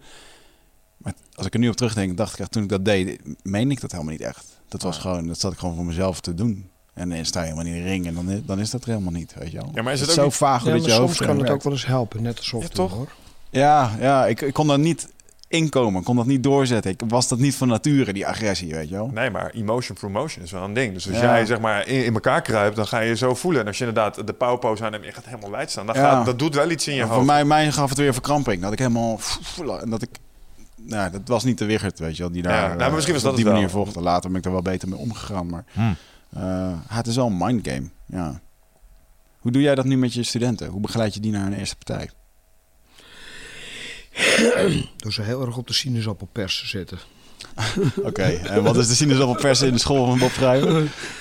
Nee, ik, ik, ik laat ze gewoon ehm, bepaalde, vooral met jeugd doe ik dat, ik laat ze bepaalde emoties al een paar keer ervaren voordat je dat in de ring ervaart. Dus ik laat ze een paar keer heel diep gaan. Ik ben heel slecht voor ze, ik ben heel grof voor ze, weet je wel. Dat ze bijna moeten huilen al een paar keer. Ik leg, hun ouder, leg de ouders dat ook uit, hè. Ik, leg de kinderen dat ook uit. Daarna praat ik er ook over met ze, hè. Dus, eh, dus niet van bof, bof, bom, bom. Dus, dus ik hou de lijnen wel open. Dus ik leg heel goed uit waarom ik dat doe. En dat helpt, en dat helpt kinderen vooral, helpt dat heel erg goed. Hmm. Ja, het is gewenning aan die situaties. Precies, het is. Ja. eh, ehm, ehm, ik, ik ben heel lang eh, ehm, agressieacteur geweest. En dat is. Wat is dat? Dat is. eh, ik heb heel lang voor een bureau gewerkt die trainingen ga- gaf aan bedrijven die te maken hebben met agressie op de werkvloer. En daar was ik acteur in. En dan bijvoorbeeld wat ik heel veel gedaan heb, is bankovervalsimulaties. Dus dan bij een aantal grote bankbedrijven heb ik dan eh, overvalsimulaties aan. Dus dan moesten we het personeel om leren gaan. Dus, overval, dus het personeel werd dan neergezet. Ze wisten dat een overval zou gaan plaatsvinden. Maar de mensen in een bank die hebben met heel veel belemmeringen te maken. Hè. Tijd, nu dus tijdvertraging op de kluis. Kluis kan niet meer ge- geopend worden. Dus 9 van de 10 banken is geen geld meer aanwezig. Nee. Kijk, en als er een overvaller binnenkomt die dat allemaal niet weet. En jij legt die overvaller dat niet uit. dan Ja. ziet die overvaller dat als, als, als, Je wil niet als, meewerken. als of je wil niet meewerken. Ja. Waardoor de situatie kan escaleren. En daardoor ehm eh, leren ze het personeel, die dus daarmee te maken kunnen krijgen, communiceren in die stresssituatie. Nou, dat oefenen ze dan een paar keer met acteurs en ook met een pistool en een gijzelaar, bla bla bla. Nou, daar heb ik heel veel trainingen van, maar ook op andere bedrijven. Dus bijvoorbeeld eh, eh, bij de Belastingdienst die invallen doet op, op woonwagenkampen, van dat soort dingen. Nou, dat heeft Oh, met ja. heel veel agressie te maken. Dus die laat je een paar keer al, al, al het, het, het script doorlopen. Nou, als je een paar keer het script goed doorlopen hebt en de situatie is echt zo, dan kan jij je terug, eh, kan jij terugvallen op wat jij geleerd hebt wat jij geoefend hebt in, Ja. in, die, in die cursus of die training. En dat is een beetje hetzelfde wat ik doe eigenlijk op de sportschool dan. Ja. Dus dat je er dan, in de, als de situatie daar is, dat je daar makkelijk mee omga- makkelijker mee omgaat. Hoe sta je, want je had het net over, eh, over eh, kinderen. Dat is natuurlijk ook wel een bewogen onderwerp. Hoe sta je tegen eh, kinderen die wedstrijden doen? Ja. Voelcontact. vind ik vreselijk. Ehm, eh, ik, ik vind, vroeger was ik daar niet voor, maar ik ben daar anders over gaan nadenken. Ik vind het heel goed dat de kinderen elkaar niet meer op het hoofd mogen stoten. Dat vind ik een hele goede ontwikkeling. Het is nu eh, tot 15 jaar mogen ze alleen maar op het lichaam. 15 jaar mag er op het hoofd gestoten worden, met een bokskap. Hmm. Ja, Het nut van een bokskap. pleistertje is dat. eh, dat is een pleistertje Het is inderdaad. meer een hindernis. Ah, de impact is hetzelfde, alleen er zit een stukje 10 centimeter stof tussen. Ja, Mm. ja het, het- ik heb, voor huidscheuren is het goed. Hmm. Weet je wel, dus je zal wat minder snel je wenkbrauw scheuren. Of, eh, dat, maar voor de herseninhoud is het, is het even is het ook niet goed. Snap Ja. je? Of je nou een box op hebt of geen box. Dat slaat nergens op. Maar ik vind het heel vervelend. Ik scheidsrechter er nu heel veel. En dan zie je wel eens twee van die elfjes, weet je, van een jaar of zeven, die komen dan die ring in. En dan, vaak wat het dan eigenlijk ook zo erg maakt, is eigenlijk de mensen eromheen. Hmm. Eigenlijk, hè. Zo'n coach die dan onbeheerst op die ring begint te slaan. En dat kind dat staat te coachen of de leven ervan afhangt, weet je wel. Ik zou graag willen dat eh, de coaches eh, wat meer er een spelvorm van maken. In Mhm. plaats van een, eh, Ja. van een titanenstrijd. Prestatie. een prestatiestrijd, dat is het goede woord. En ehm, eh, ja, dan vind ik dat gewoon heel moeilijk om dat als scheidsrechter te begeleiden. Twee van die elfjes die elkaar staan af te tuigen, weet je, met zo'n schreeuwende debiel in de hoek. Ja. Wat is jouw mening over, als je kijkt naar Nederlandse vechtsport? Je hebt alles meegemaakt. Je bent de, de profvechter geweest. eh, hoe dat vroeger ging met de VIP-tafels die daaromheen waren. Het gehoer. Ik heb nog eens een keertje bij de partij tussen jou en Melvin Manhoef eh, gestaan. Waarbij eh, waar ik op een gegeven moment tussen een chaos van vechten en rellende mensen stond. dat was een hooi toen, maar waar jij volgens mij nog de microfoon hebt gepakt om het Ja. publiek te sussen. Klopt. Het- eigenlijk was het af en toe gewoon bizar wat daar zat. Zat te schreeuwen, eh champagnekurken de ring in gooide, flessen de ring in gooide. Het ging helemaal nergens over af en toe. Walgelijk. Ik heb wel eens in de ring gestaan en dan stond ik zo half met mijn tegenstander in een clinch situatie en dan keek ik zo in het publiek. En dan zit er dan zo'n eentje met een witte kra kraag om zijn neus met een baak. Ja, ja. Hmm. Er mocht er nog gerookt worden in de zaal. Ja. Ah, zo. Met een, met een sigaar of een blow in zijn mondhoek eh, zaten ze dan. eh, ik vind het vreselijk. Hmm. Ik, vind- ik, ik, eh, ik vind dat de VIP-tafels in principe verboden moeten worden. Ja. En, eh, maar ja, zo heb ik nog meer... eh, ja, op dat moment was dat wel hetgene wat, jou, wat, wat jouw gage kon betalen, bij wijze van spreken. ja, precies. En waardoor die galas mogelijk waren. En er zijn, en er zijn, geen, er zijn helemaal geen sponsors bijna meer te vinden om het, om het betaald te krijgen. Nee, Maar ja, dan maar niet, ja. Vind ik. Dan, dan moet je maar beter je best doen om wel sponsors te vinden of wel eh, je best te doen om eh, zo'n evenement te organiseren.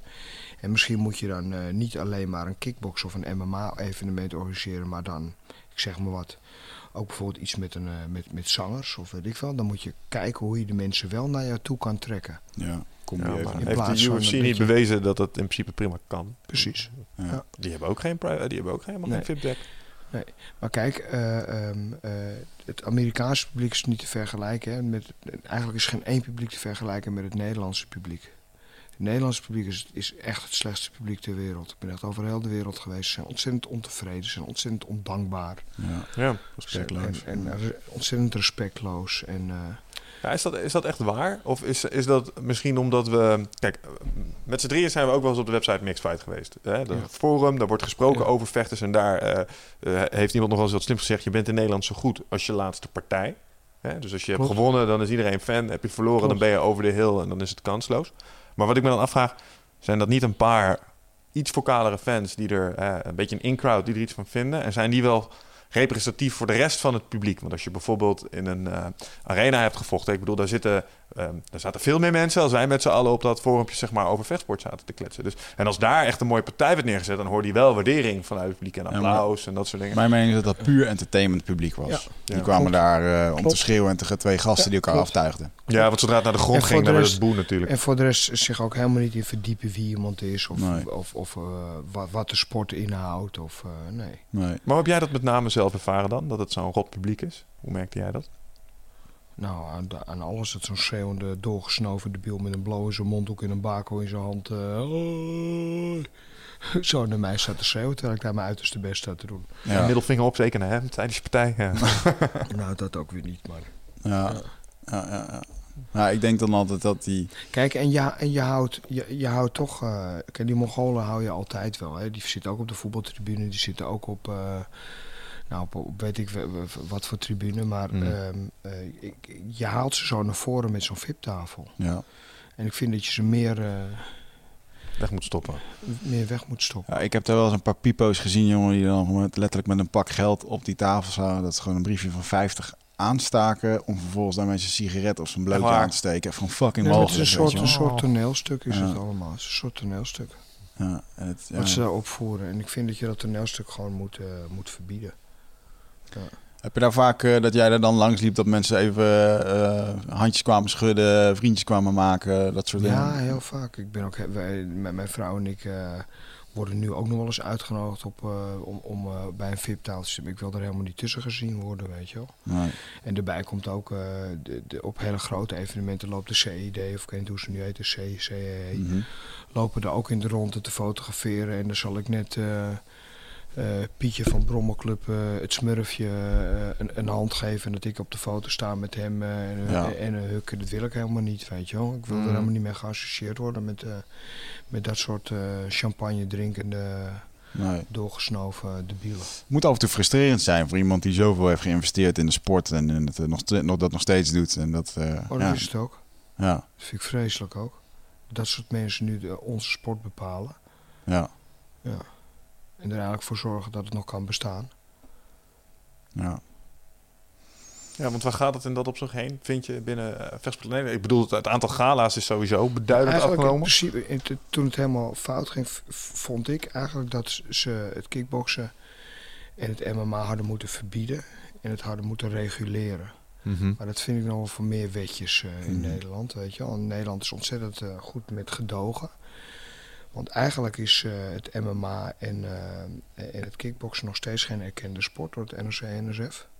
Dus eigenlijk is het een illegale sport, maar het wordt gedoogd. Ja. Volgens mij worden er inmiddels wel initiatieven ontplooid daar. hè? Ja, ze zijn heel erg mee bezig. Ja. De, de NOVOR is, eh, is, is, is heel erg bezig nu met daarmee bezig. En eh, ja, je hebt er nog steeds wel heel veel van die randbondjes omheen, weet je, die Ja. maar lekker bezig zijn. Maar ik vind dat ze het moeten reguleren. Net zoals wat je in Amerika doet, de State Commission. Mhm. Dat is een onafhankelijke commissie. Die, eh, of je nou een popconcert, een honkbalwedstrijd of weet ik veel. Jij moet gewoon laten zien waar je het geld vandaan haalt. Of je het kan betalen. Ja. Of je brandplan goed is. Of je alles goed is. En dan geven ze jou de goedkeuring. En, eh, en, en nu wordt dat een beetje slabbere wats. Wordt dat eigenlijk een beetje gedaan. Ja. Ja. Ja. Kan nog wel een hoop verbetering gebruiken. Maar we zijn goed op weg, want UFC die, eh, heeft ik denk, natuurlijk dat, een ik denk dat de UFC een hele goede stempel heeft gezet. En Ja. in ieder geval de gemeente Rotterdam heeft gezien hoe het ook kan. Ja. Mhm. Ik denk ook dat UFC de enige was die dat goed had kunnen doen. Ja, dat denk ik ook. En eh, ja. ja, ik heb dan zelf ook gala's georganiseerd en op een gegeven moment werd het gewoon niet meer leuk gemaakt. Weet je wel. Dat, eh, Nee. En dat heeft ook nog wel te maken wat jij nou net zei met die, eh, die trainer die dan eh, eigenlijk niet echt representatief is als trainer. Mensen die niet kwamen opdagen. Nou, volgens mij heb je er een aantal columns aan gewijd van eh, hoe vaak ben je met jongens op gala's geweest dat er eventjes een dag van tevoren iemand eh, Ja. Ja. werd gemeld. Veel, hij komt Maar dat niet. komt omdat het, eh, je, je hier in Nederland eh, twaalf bondjes hebt. Dus als- je bij bondje A niet mag vechten, dan ga je gewoon lekker bij de andere vechten. Dus ze kunnen allemaal gewoon Ja, doorgaan eh, eh, zo- zoals zo, zo ze hun, hun weg bewandelen. ja. Ik denk ook dat dat is waarom er een, een overkoepelende instantie moet komen. Want mede door die ook. bondjes hou je een heleboel egootjes. Je hebt als, Dat denk ik ook. Dat is in vechtsportland Nederland natuurlijk sowieso een ding. Je hebt allemaal kampjes. En eh, Hmm. joh, ik kan me nog iets herinneren dat uh, Kyokushin en Kai Nederland een keer eh, los ging tegen elkaar. Want die zitten ook allemaal in allerlei verschillende Bondjes. Ja. b- ideologieën, zeg maar, binnen de stijl alleen al. En dat, dat is echt heel jammer, want je hebt het eigenlijk met z'n allen over dezelfde sport. En dan gaan ze vaak over een paar details gaan ze lopen bakkeleien met elkaar. Terwijl je dan denkt van, ja, maar we vinden toch met z'n allen het vechten en de, de sport eromheen toch zo leuk. Dus als we daar nou met z'n allen eens een keer een initiatief die kant op ontplooien. Ik heb het wel eens, eh, dat heeft wel eens iemand geprobeerd in BJJ-land. Faalde ook Ja, maar heel kansloos. veel, heel Ja. veel, kijk, heel veel promotors, ik scheidsrechter er nu heel veel. Dat vind ik ontzettend leuk om te doen. Hmm. en er komen bondjes gewoon gasten die gewoon eh, één keer in de twee maanden, één keer eh, in zoveel tijd gewoon organiseren. Het is gewoon puur, puur alleen maar, alleen maar geld. Ja. Dus Ja. het heeft helemaal niks te maken met de sport zoals een rotzooi zijn wat er gebeurt. Tuurlijk vinden ze wel belangrijk dat er leuke wedstrijdjes zijn. Dan komt het publiek de volgende keer weer. Mhm. Ja. Maar, maar, maar, maar de belangen zijn gewoon heel, heel anders voor heel veel mensen die organiseren. Ja, maar is het ooit echt lucratief geweest? Eh, Ik Ja. heb het idee dat er altijd bij alle galas... eh, Ik heb nog nooit een promotor horen zeggen van... Oh ja, dat hield Ah, lekker over. is lucratief? Kijk, als één Ja, iemand maar een keer goed, eh, 5000 kijk, euro wint, dan is ja, dat veel. En kijk, en als, ja. als, jij, als jij regelmatig organiseert en eh, jij houdt er een roodje aan over. Nou, een roodje in de twee maanden steeds extra erbij. En op Ja. een gegeven moment... eh, Ja. Ja, plus het kan op een platformpje zijn om je eigen leerlingen te laten knokken en te doen. Ja. Dat is de reden waarom ik Ja. uiteindelijk toen niet FC ben begonnen. Gewoon, ja, kom eh, de clubje in Os kon gewoon lekker knokken met z'n allen. Ja. Mhm. En eh, ja, vonden dat het wel ook dan gewoon in, de- in de laatste week dat de elf partijen uitvielen en dat soort dingen. Er waren altijd een paar sportscholen die je kon bellen om dan de laatste op te vullen. Daar was jij er één van. VC de Groot, die kon dat ook altijd goed. De Ja. jongens van Benny Rogmans, die waren ook altijd wel gewoon eh, paraat om te knokken. Helemaal de oude tijd had je Kamloen nog. Die waren ook overal. ja, ja. Ja, die, die heb ik nooit meer. Ja, het was alweer een beetje afgaan. Toen, Mijn potje was tegen een jongen van Kamloen. Oké. Voelgasten. En Die waren wel actief inderdaad. Ja, Ja, lach ze was kon het dat. ook wel. Wat, ehm, eh, een van jouw eh, pupillen, Stefan, die vecht nu in de UFC. Ja. Goed bezig. Eh traint niet meer bij jou. Traint in Amerika. Is En niet waar. ehm, is, niet waar. Maar kijk, Stefan, Stefan die... ehm, de, de trainer is er voor de vechter en de vechter is er niet voor de trainer. En ik vind dat je een vechter los moet laten om zichzelf te ontwikkelen. mhm. En eh, Steven die traint al vanaf zijn veertiende bij mij. En eh, op een gegeven moment ben iemand wel eens een keertje helemaal zat. Dan kan ik hem heel angstvallig vast gaan houden. En mijn best gaan doen om hem bij me te houden. Maar ik vind dat je mee moet denken hoe hij zichzelf beter en verder kan ontwikkelen. Ja. Zo zijn we eigenlijk bij, hebben we meerdere spo- sportscholen hebben we aangedaan hoor. En hij zit nu bij Henry Hoofd in de Black Cillians. En daar kan hij zich heel lekker ontplooien. Dan zit hij eh, zes of zeven maanden van het jaar zit hij daar. En de andere helft eh, van het jaar zit hij bij mij. Ja. Dus ik coach hem nog steeds. Ik train hem nog steeds. ja. Maar hij doet ook zijn trainingen ergens anders. Vind je dat lastig om af en toe... ehm, ben je het dan eens met alles wat in Amerika gebeurt? Of zijn er nog wel eens discuss- discussies Nee, over? Of laat je dat dan los? de lijnen open. Ja. Kijk, ik heb heel lang met eh, Henry eh, getraind. En ja, Henry en ik hebben elkaar, nou, ik denk wel vier keer, vier keer in de week hebben we met elkaar getraind en elkaar afgetuigd. ja. Over, over en weer af. Mooi. Op, eh, nou, bij Magiro hebben we heel lang getraind. Dus ik ken Henry ken ik heel goed. Ik heb ook met hem aan de deur gestaan, dus we kennen elkaar heel goed. Ja. En, ehm, dus we zitten goed op één lijn. Zijn, zijn, zijn eh, visie van het staande gevecht is, is zo goed als hetzelfde als mijn visie in het staande gevecht. Dus wat dat betreft eh, zit, zitten wij heel goed op één lijn. En het voordeel van eh, de Black Cillians, je hebt dan geloof ik, nou ik weet niet hoeveel, maar 16 of, eh 16 of 17 zwaargewichten, weet je wel, die uit het college worstelen komen. Ja. Wat Nederland gewoon ontzettend achter heeft. Ja. eh, op, op, op Amerika. Mannen die allemaal wel redelijk goed kunnen boksen met een goede zwierenwoerd. Nou, dat, ja, dat zijn gewoon goede tegenstanders voor Stefan om zichzelf verder, verder te ontwikkelen. Ja. Dus, en Stefan die, die, die gaat daar heel goed mee. Dus, nou ja, goed. Zie je hem eh, de weg naar het eh, kampioenschap eh, Ja. nu, nu Ja. aangaan? Ja. Hij is wel een beetje bezig met een comeback na een eh, Ja.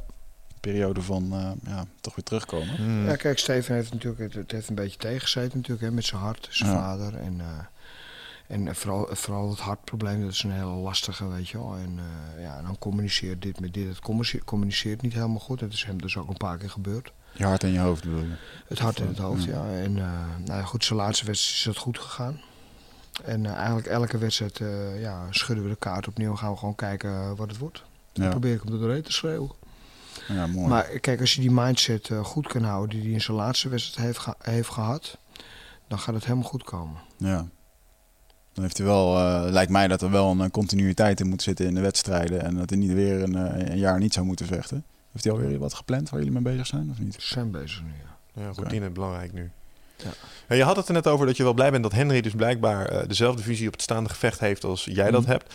Ehm, als je jouw visie op het staande gevecht eh, in een paar punten zou moeten, moeten uitleggen, wat zijn dan de kernzaken voor jou daarin? Dus eh, wa- wat, wat is het wat Henry het exact hetzelfde doet als jij en wat het anders maakt als dat hij bijvoorbeeld bij een andere leraar zijn ding zou gaan doen? Eh, nou, de basis van, van Henry en mij zijn hetzelfde. de Stoot, stoot, trap. En eh, de- hij vult dat heel goed aan met zijn, eh, met zijn, met zijn, met zijn grond, eh, met zijn BJ-leraar, met zijn worstelcoach. Dus eh, daardoor heeft hij een heel goed concept ontwikkeld.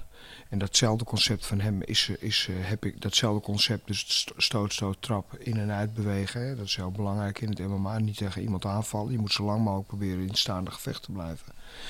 En zo, uit Is dat zo? Is dat tegenwoordig het inzicht in MMA? Ja. Dat je zo lang Ja. mogelijk op de voetjes wil blijven? Nou ja, goed. dus zie- vechter. Afhankelijk van vechten, zie, toch? zie, Ja. zie, zie jij nog wel eens een vechter die, eh, die, die, die, die naar de grond gebracht wordt? Het s- zijn allemaal bijna niet meer naar de grond te brengen. Ja, er zitten uitzonderingen bij. Zo'n Damien Maya, die, eh, die doet het dan wel heerlijk. Maar ja, Stefan is gewoon lang. Die moet gewoon... eh, ja, en met zijn lengte heeft hij toch ook, is hij ook een bijzonder lastige grondvechter. Een Ja. mo- moeilijke... Ja. ja. Een soort anaconda. het is echt een boom van een kerel ook Ja. geworden. Ja. Ik ben heel benieuwd. En dat Ja. doet, hij, doet, hij, doet hij ook heel goed. Het is natuurlijk wel zo dat takedown defense aanzienlijk beter is geworden. Want Ja. eh, als je, we we hadden het net over het begin van, eh, van het Nederlandse eh, free fight, zeg maar, heette Ja. het toen de tijd nog. Dan had je staande jongens en je had, ik geloof dat jij ze altijd duikboten noemde, zeg maar. Die Ja. gasten die direct naar de beentjes gingen en dan losten we het daar wel op. En het klopt dat mensen veel, veel completer zijn geworden. Ja. En ik bedoel, als ik, als ik me zou verbeelden in Stefan en wat, wat hij zou ontwikkelen, is zijn sprawl. Ik denk dat hij ongelooflijk druk is met zijn sprawl en Klopt. ervoor te komen dat hij niet eh, op de grond gebracht wordt. Mm. Ja, klopt. Ja. Maar ja, Steven is ook heel goed op de grond. Hè? Dus, dus als hij op de grond ligt, is het ook niet echt heel erg. Ja, maar vind je niet, eh, als iemand die twee meter is, heb ik niet het gevoel dat ik, eh, als ik zou moeten kiezen tussen staande en grond, heb ik het gevoel dat ik staande beter tot mijn recht komt omwille van mijn lengte. En dat zou ik me bij Stefan ook zo kunnen En voorstellen. erbij komt het staande gevecht is minder zwaar dan het grondgevecht. Dus je Hm. moet altijd voor het minst zware kiezen. Weg van de minste weerstand, zeg je eigenlijk. Ja. Ja. Nog even naar dat, eh, wat, wat je zei net iets, dat zijn een paar keer, dat, dat eh, stoot zo trap, zeg maar. Ehm, dat is een, eh, een fundament bij jullie. Jullie werken, eh, is dat ehm, dat je nooit met meer dan drie combinaties werkt? Of dat je het gewoon lekker simpel houdt? Of Simpel houdt. gewoon de eenvoud erin? Dus eh, geen lange stootcombinaties, twee, drie stoten en een trap. Of twee, drie stoten en weg. Het in- en uitbewegen is het belangrijkste van alles. Ja, dus dat je echt eh, met je dekking op de kop eruit gaat. Ja. Simpel houden. Ja, want dat is natuurlijk wat een, bijvoorbeeld een Mondekkers, die staat dan bekend dat het natuurlijk echt series waren van tien combinaties achter elkaar. En dat Ja, maar dingen. dat kan ook met bokshandschoenen is dat makkelijker dan met MMA-handschoenen. Ja, dat is natuurlijk wel waar. En met MMA-handschoenen, lange combinatie, 1, 2, 3, 4, 5, 6, 7, 8. dat- dat- Dan loop je er enorm risico mee om je hand te breken. Ja, Kijk, hij beweegt Ja. ook en als je hem een keer hier op zijn horentje raakt, is je hand stuk. ja. Ja, dat is waar natuurlijk. Ja, je, ja, ja, nee, natuurlijk, dat is wel even inzicht. Eh, Jij zult andere kickbox combinaties... Als de kickboxpartij zijn, zou je andere combinaties als Ja. voorkeur hebben als bij een MMA. Ja, Ja. ja, natuurlijk, logisch. Oké. Nou, Stefan, een van jou, eh, ja, of eh, de topper eh, die bij jullie in het eh, team zit. En we hadden het net voor de uitzending even over dat je wat minder bezig bent met wedstrijden, jongens. Je hebt er een hoop begeleid. Als ik de naam ga noemen, dan hebben we het over een Dave Dalgelies, Milko Voren. eh, je hebt echt een heel team gehad. Je had echt een stal met veel vechters.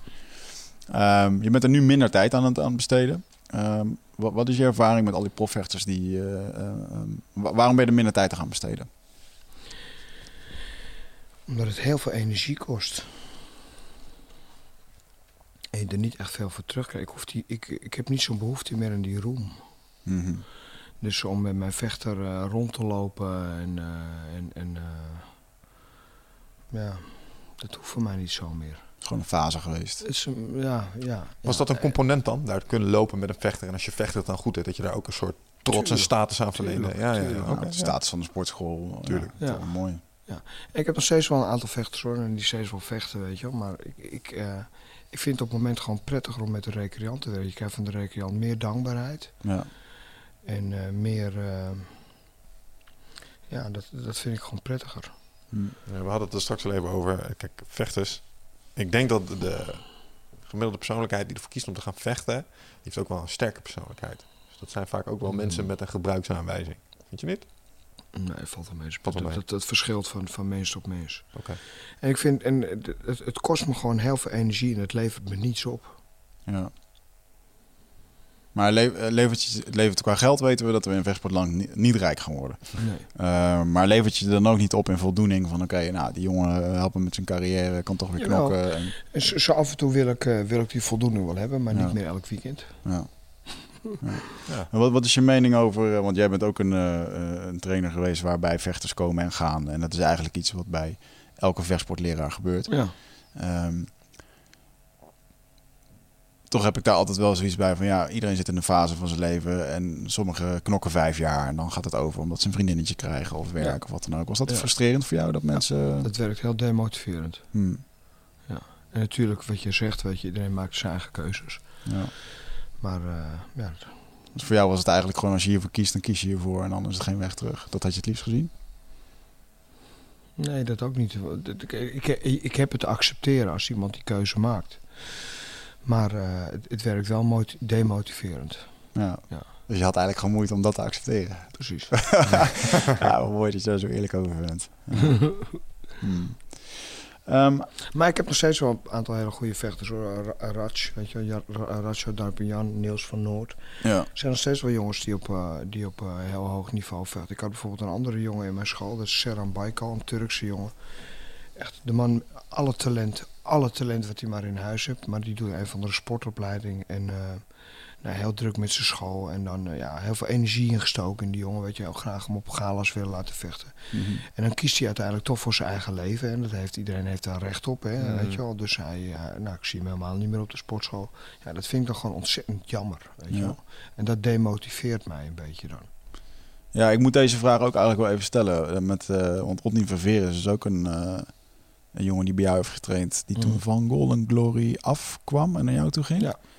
Eh, heeft ook lang bij jou getraind. En Ja. volgens mij heeft hij ook echt een, eh, de volgende stap in zijn carrière kunnen maken. Succesvolle wedstrijden gevochten. Dat is wel een dingetje geweest voor jou dat hij toen op een gegeven moment wegging. Zou je dat willen toelichten? Nou, wegging. Ik werd op een gegeven moment. eh, ik gaf les op een sportschool in Beverwijk. En eh, daar ben ik en mijn vrouw zijn daar weggetrapt. Onder eh, bedreiging. Hmm. Ehm, en Rodney heeft daarvan geweten. En eh, Rodney was zo, ik had zo'n verstandhouding met, eh, met, eh, met, met mij, dat als hij bij mij thuis kwam, dat trok hij mijn koelkast open en dan vroeg hij mij wat ik drinken wilde. Zo'n verstandhouding had ik met hem. En ik vind dat hij me daarvan op de hoogte had moeten stellen. En hij heeft eieren voor zijn geld gekozen. Hij heeft de weg van dus hij is niet met zijn vriend meegegaan die op het zinkende schip zat. Hm. Maar hij eh, heeft eh, het enige reddingsbootje gepakt en is in de zee gedoken met zijn reddingsbootje. En heeft toen, eh, toen is hij geloof ik naar Cabene is hij toen geloof ik gegaan of zoiets. Mhm. Ja. En eigenlijk toen hij bij mij weg is gegaan, is het nooit meer wat met hem geworden. Want het is een beetje een, eh, ja, ja goed. Ja. Ja, Oké, Ja. goed. Dus en, en ja, dat is bijvoorbeeld ook iets wat je dan heel erg demotiveert. Hm. Ja. Ehm, ja, dat is duidelijk. Eh, een ander ding wat ik eh, wel mooi vond en waar ik echt naartoe heb geleefd, is dat op een gegeven moment, even terug naar een partij van jou, is dat jij eh, tegen Igor Vovchansi mocht vechten. Ja. Dat, is iets wat, dat was een droom van jou, daar wilde je graag tegen Ja. eh, knokken. ja. Het heeft lang geduurd om die partij Ja. eh, te krijgen en uiteindelijk was dat in Amsterdam. Hoe heb je daar naartoe geleefd? Was, dat, was het uiteindelijk, je hebt de partij verloren, was het Ik iets heb de partij verloren en die partij, er gebeurde mij iets heel ergs met mijn dochter op dat moment. Vlak voor de wedstrijd. En daar laat ik me verder niet over uit. Hm. Eh, eh, nee, ja. Er gebeurde mij iets heel erg en dat heeft me heel erg in mijn... En ik heb, eh, eigenlijk wilde ik die wedstrijd toen afzeggen, maar eh, nou, dat kon ik ook weer niet maken naar eh, Simon Ruts, die dat organiseren. Ja. En Simon Ruts eh, is altijd een goede vriend van me geweest. Ik vind, het een hele aardige kerel en dat vind ik nog steeds. Hij wilde helaas niet Dus- komen in de podcast. Maar- Ik heb hem een paar keer weten vragen. Nee, de, de- heel, veel, heel veel mensen die, die hebben, hebben een mening over Simon. Hmm. En, en goed, hij is voor mij is hij altijd heel goed geweest. Ik vind het absoluut geklootzak. Dus ik kan het goed met hem vinden, maar goed, klaar. En het, het was voor mij geen optie om, eh, om, eh, om hem niet in de steek te laten, om daar wel te staan. Ja. Maar ik stond daar dus op eh ja, 30% eh, in, in mijn hoofd. Ja. Dus die wedstrijd heb ik als heel erg ervaren. Hm. En ik heb er toch een entertainment dingetje van gemaakt. Ik heb nog, want hij was jarig. Ik heb nog een, een verjaardagsliedje voor hem verzonnen. Maar eigenlijk was ik in mijn hoofd eh, volledig afgebroken. Ja. Ah, bijzonder. En ehm, ja, ja, Igor, dat was toch wel een mannetje in Japan toen destijds. Ja, Ook een pride vechter natuurlijk. ja is ook, een- ook een man die gekomen en gegaan is. eh, en waar, waar die nu is en wat hij nu doet. het- de man is helemaal van de radar verdwenen. Ja, inderdaad. Maar jullie stijl was wel heel matchend. Ik weet nog wel, Mm. dit gaat echt een beukpartij worden. Daar, eh, Viel er wel mee. het viel mee uiteindelijk, ja. Ja. Dat leefde dan niet helemaal op tegen. Nee, eh, het was, een, het was zelfs een slechte wedstrijd, vond ik. Volgens mij vond ik jouw partij tegen Bobby Hofman wel, eh, was wel een leuke, ja, leuke dat was een pot. partij. Oh, nou. Dat ging Ja. echt, eh, maar dat was ook een mooi. Dat was echt een naam in Amerika. Die was Ja. op dat moment gewoon goed bezig. En, eh, Ja, dat was een goede pot. Zaten met z'n tweeën helemaal onder het bloed. Ja. Dat is wel heel dat, is, uit. dat is de definitie van een goede Ja. pot. Nee, Mooi. maar het was, het was wel dat het publiek op de banken zat. Dus, eh, we gingen niet naar de grond. Het was gewoon twee keer vijf minuten brawlen, weet je wel. eh, Ja, ja. mooi. Wat is Maar de- ik heb hem laatst nog wel eens bekeken en uh, technisch gezien sloeg het er helemaal ergens op. ja. wat, is het, eh, wat is een partij die jou echt is bijgebleven waar je denkt van fuck, dat is, gewoon, dat is tof. Motor Hoornstein. Ja, Toch. In Parties in 2000. en, eh, Mooi, en hè? het, mooiste was, toen kregen we dus een rematch. Maar de eerste keer dat ik tegen Bobby of tegen, tegen Motti Hoornstein sto- stond, eh, had ik een lijf van een zoutzak, want ik kwam net uit de kroeg gerold. En, eh, dit- en een, een, een, half kapsel, weet je wel. En nou goed. en toen had hij het al heel zwaar. En toen dacht ik van wauw. Heb ik zo hard getraind voor die tweede wedstrijd. Dus toen kwam hij me tegen. En toen, eh toen wow, wat heb jij gedaan? Zei ik heb getraind. nou heb ik getraind voor je pik. Nu gaan we het anders doen. mooi. En toen heb ik hem er ook geloof ik zo uitgeslagen. Ik weet het niet meer zo goed. Maar Submission, hij, heeft, hij gaf zichzelf over submission op eh, punch, eh, punches. ja, sorry, dat was hem ja. Dat wel een, Ik eh, heb hem heel erg afgetuigd toen, ja. hoe, hoe, is Even jou- wat recht zetten. hoe is jouw ervaring geweest dat je in... eh, want je hebt ook in Rusland gevochten met blote vuisten, dat soort geintjes. ja. Eh, ik weet eens dat je met leerlingen naar Siberië bent geweest om te knokken. Het zijn allemaal plekken waar ik van denk... hmm. Eh, wat, wat, eh, wat is de ervaring met hoe dat vroeger ging in de eerste keer in Rusland en zo? En heb je daar nog mooie anekdotes over? Of mooie, Ja, kijk, doordat ik zelf een aantal toernooien in Rusland had gevochten, waren mijn contacten in Rusland heel erg goed. En, eh, dus wij zaten door heel Rusland. Ik ben ook door heel Rusland geweest, van eh, Siberië, Khabarovsk. Het ligt helemaal achterin. Het ligt dus bij de Japanse zee, weet je wel. Dus het Mm. ligt helemaal tegen Japan China ligt dat aan. Tot aan het begin van Rusland. Ik ben overal in Rusland ben ik geweest. Ik heb ook een Russische film meegespeeld. trouwens. Meen je, Ja. wat voor film? En wat voor rol? Eh, Jing Dae, ja, boef natuurlijk. Ja, En, eh, typecast, eh, match. Ja. ooit, ooit op de tribune heeft een keertje Michail Pareshnikov. Ja, hoe de fuck is dat? Maar dat is een heel bekend acteur in Rusland. Maar ja, wat weten wij van de filmwereld van Rusland? Ja. Wat weten we van de filmwereld van Frankrijk? Niks, weet Nee. je wel. Dus daar heb ik me nooit in verdiept. En die benaderde mij toen om in een film van hem mee te spelen. En daar heb ik toen ja tegen gezet. Dus toen heb ik eh, vijf weken in Siberië gezeten. Dat was wel heel grappig. Meen je? Lachen. Maar, maar goed, ik, ik, ik, toen de tijd was ik heel bekend in, Rus in Rusland. En ehm, toen had ik nog heel veel energie om, eh, om, om, om energie te steken in vechters eh, en de wereld rond te reizen. Ik vind reizen vind ik afschuwelijk vind ik nu. Dus ik heb er allemaal helemaal geen behoefte meer aan. Nee. En eh, ja, dan kwamen we dus inderdaad in Cabaret, zo'n bare toernooi of eh, nou, van dat soort dingetjes, weet je wel. Dat was voor jou niet anders, bare knuckle? Dat was alleen maar leuker? Of eh, hoe... eh, Nee, dat, dat, ja, knokpartij is een knokpartij. En je voelt niet of je met een bokshandschoen geslagen wordt of met een blote vuist. Dat verschil, dat voel je niet. Tenminste, ik voel dat niet. ja. En je zit in zo'n adrenaline rush, weet je wel. En eh, ja, ik heb dat nooit zo doorgehad. Dus ja, en, en En de Russische organisatie, hoe heb je dat eh, ervaren?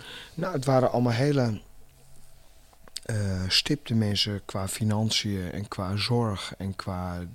Er zat altijd wel een, eh, een, een kanttekening. We zijn ooit een keer naar een toernooi geweest. Werden we opgehaald door een eh, groep eh, gasten met bontjassen en veel te dure auto's. En dan eh, vuurwapens op de achterbank. En, eh, de, in Rusland is... is, Slechte is, B-film lijkt het wel. i- ja, slechte B-film. Kijk, in Rusland is de, is, de, is de bovenwereld heel erg verweven met de onderwereld. Tenminste, dat is wat ik gezien heb. Hmm. Op evenementen. De burgemeester die dan naast eh, de plaatselijke boef, boef zit. Of weet ik wat, de politiefunctionaris. Die, dat, en dat, ik weet niet of het allemaal samenwerkt, maar het ligt allemaal heel dicht bij elkaar. Ja. En ja, dat is gewoon heel grappig om te zien. Maar de Brotherhood in Rusland, weet je wel. Ik ben daar nooit bedonderd. Ze hebben altijd heel goed hebben ze voor me gezorgd. En eh, ja, het is gewoon inderdaad wat je zegt. Gewoon een slechte B-film. Nou, dat is gewoon heel leuk dat ik daarin mee heb gespeeld. Maar ik heb er nu geen behoefte meer aan. Hebben, Nee. hebben Nee, bepaalde promoties jou wel eens eh, bedonderd of moeilijk gemaakt met wedstrijden? Ja, Of, Japan heel vaak. Heb je daar nog een eh, mooie... ja, eh, Japan, eh, Pride, eh, Rings, toen de tijd. Dat zijn allemaal hele onbetrouwbare mensen. Ik kan heel moeilijk omgaan met, eh, met, eh, met, eh, oneerlijkheid? met, met oneerlijkheid en met Japanse mensen. Weet je. Dat vind ik heel erg moeilijk. Want ze zeggen ja en doe nee. Of zeggen nee en doe misschien ja. Of, eh, Mm. Het is heel moeilijk om dat in te Heel schatten. omslachtig daar schijnt het te Ja, ze, ze buigen en, eh, en eh, ja, je, je weet nooit waar je aan toe bent met hun. Ja. Dus ja, daar ben ik ook financieel ben ik al wel eens heel erg bedonderd. En eh, ja hoor. Hmm. Ja. Ja, en nu eh, zit je bij- eigenlijk aan het einde van de carrière. Je hebt je afscheid genomen, je had het er net al over. Het lichaam wil niet meer, de mind wil niet meer. Eigenlijk ben je gewoon Nee. best wel klaar met, de, Ja. met full contact sport. Ja. Als ik jou nu al mijn blessures zou geven die ik nu heb. Kijk, ik leerde mijn leven. Ik heb ermee leren. Ik kan Mhm. ermee omgaan. Maar als ik jou die nu zo zou geven, val je van je stoel af. Go for it. Ja, we, hebben, we hebben nog 20 minuten, Bob. Kom op. Nee, maar goed, ik, ik heb gewoon heel veel gebroken. Ik heb gewoon heel veel in moeten leveren, ook eh, eh, qua mijn hoofd, weet je wel. Eh, mijn korte termijn geheugen is gewoon, eh, ja, dat ik ook gewoon heel veel stompen heb gehad. is gewoon heel lastig. Ik Mhm. ben ontzettend geconcentreerd nu met jullie praten. Ik moet heel goed luisteren. Hmm. Dus het is voor mij heel vermoeiend. Dus ik heb straks onwijs kop en in de auto, weet je wel. En ja, het gaat allemaal gewoon allemaal wat trager. Het gaat allemaal Wow. wat moeilijker. Zo Ja. heftig. Ja, dat moet je niet onderschatten. Want ehm, ik weet niet of ik het hier al een keer verteld heb. Ik heb la- laatst een keer een full body scan gedaan.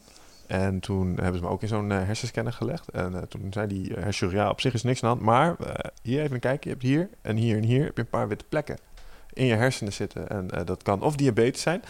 Dat lijkt me niet waarschijnlijk gelet op, de, eh, op je sportief verleden. Maar waarschijnlijk heeft dat wel wat te maken met het feit dat je al een aantal keer trauma aan je hoofd hebt gehad. Dus je hebt een- gewoon een paar keer partikken gehad. En dat kun je nu gewoon zien op zo'n Mm. scanner. Ja, dat is voor jou natuurlijk onmiskenbaar ook. Want ik denk dat jij wel iets meer... Eh, kunnen. Kijk, en ook dat ik in het verleden zoveel drugs heb gebruikt, zou ook niet eh, heel erg eh, goed zijn ja. geweest. Dus eh, ja. Ja. Maar goed, het, het, het nadeel is daarvan, eh mijn accuutje is echt opgebrand. Ik heb eh, mijn laatste wedstrijd heb ik nog één keer mijn accuutje kunnen opladen. En eh, ja, daarna heb ik hem eigenlijk niet meer op kunnen laden. En moet ik mezelf, als ik nu moet sporten, moet ik mezelf er echt toe zetten om iets te gaan doen. Ja.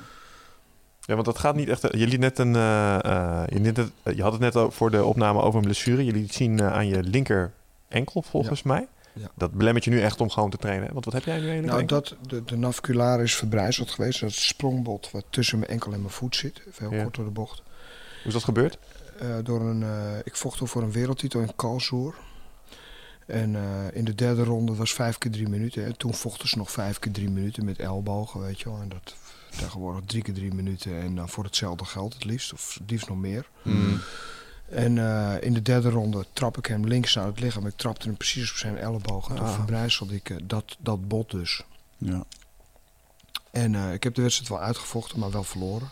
Dus de titel kon ik niet mee naar huis nemen. En toen ben ik in het ziekenhuis gaan. In het ziekenhuis wimpelden ze mij weg dat het een gekneusde enkel was. Toen hebben ze mij dus ingezwachteld. Maar na twee weken deed het zozeer. Toen ben ik naar het ziekenhuis gegaan. Toen bleek dus dat het verbrijzeld was. En, eh, maar dat het al zo verkleefd en weet ik veel was. En, eh, Jij hebt twee weken met een verbrijzelde voet rondgelopen. Ja. Ja. Ja. Ik denk dat het gemiddeld Nederland na twee uur naar het ziekenhuis was gegaan. Hoge pijngrens. Ja. Weet je wel. Maar goed, dus toen hebben ze een stukje bot uit mijn heup eh, hebben ze gemaakt. Een hele goede arts in het AMC ziekenhuis, die ik heel dankbaar ben. Want in de eerste instantie wilden ze eerst een pen door mijn hiel, eh, eh, het scheenbeen, dus eigenlijk de voet fixeren. Mhm.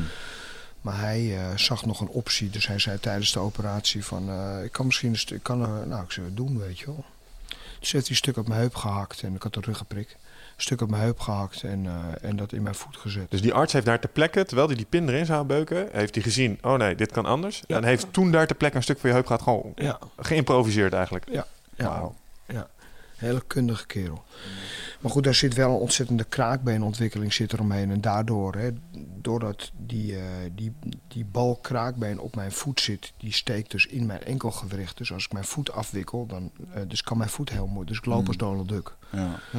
En daardoor kan ik ook niet meer hard rennen of een trap op rennen of dat soort Hoe ziet jouw sportregime er nu uit op dit moment? Hoe bedoel je? Hoe, ziet jouw, hoe sport je? Wat is jouw eh, ritme nu wekelijks? Eh, nou, bijna niet. Nee. Nee, ik heb een racefietsje. En af en toe eh, fiets ik eens in de rond op een racefietsje. En eh, heel soms eh, doe ik eens op de vangertjes met mijn vrouw of, of op, op, een bokzakje. En dat is het eigenlijk. Ik zou meer moeten doen. Ja. Ook natuurlijk, kijk, hè, ik ben 51, dus dat is de jongste niet meer. Hè. Je zit in een beetje in de hart- en vatengevarenzone. En, eh, Ja.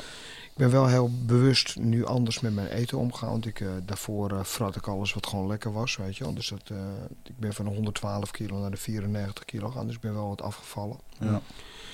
En ja, daar moet je gewoon op letten, anders krijg je suikerziekte. Het komt heel veel voor in mijn familie, dus ja, Ja. kans is zo dat ik het dan ook krijg. Wat ben je anders gaan doen met eten?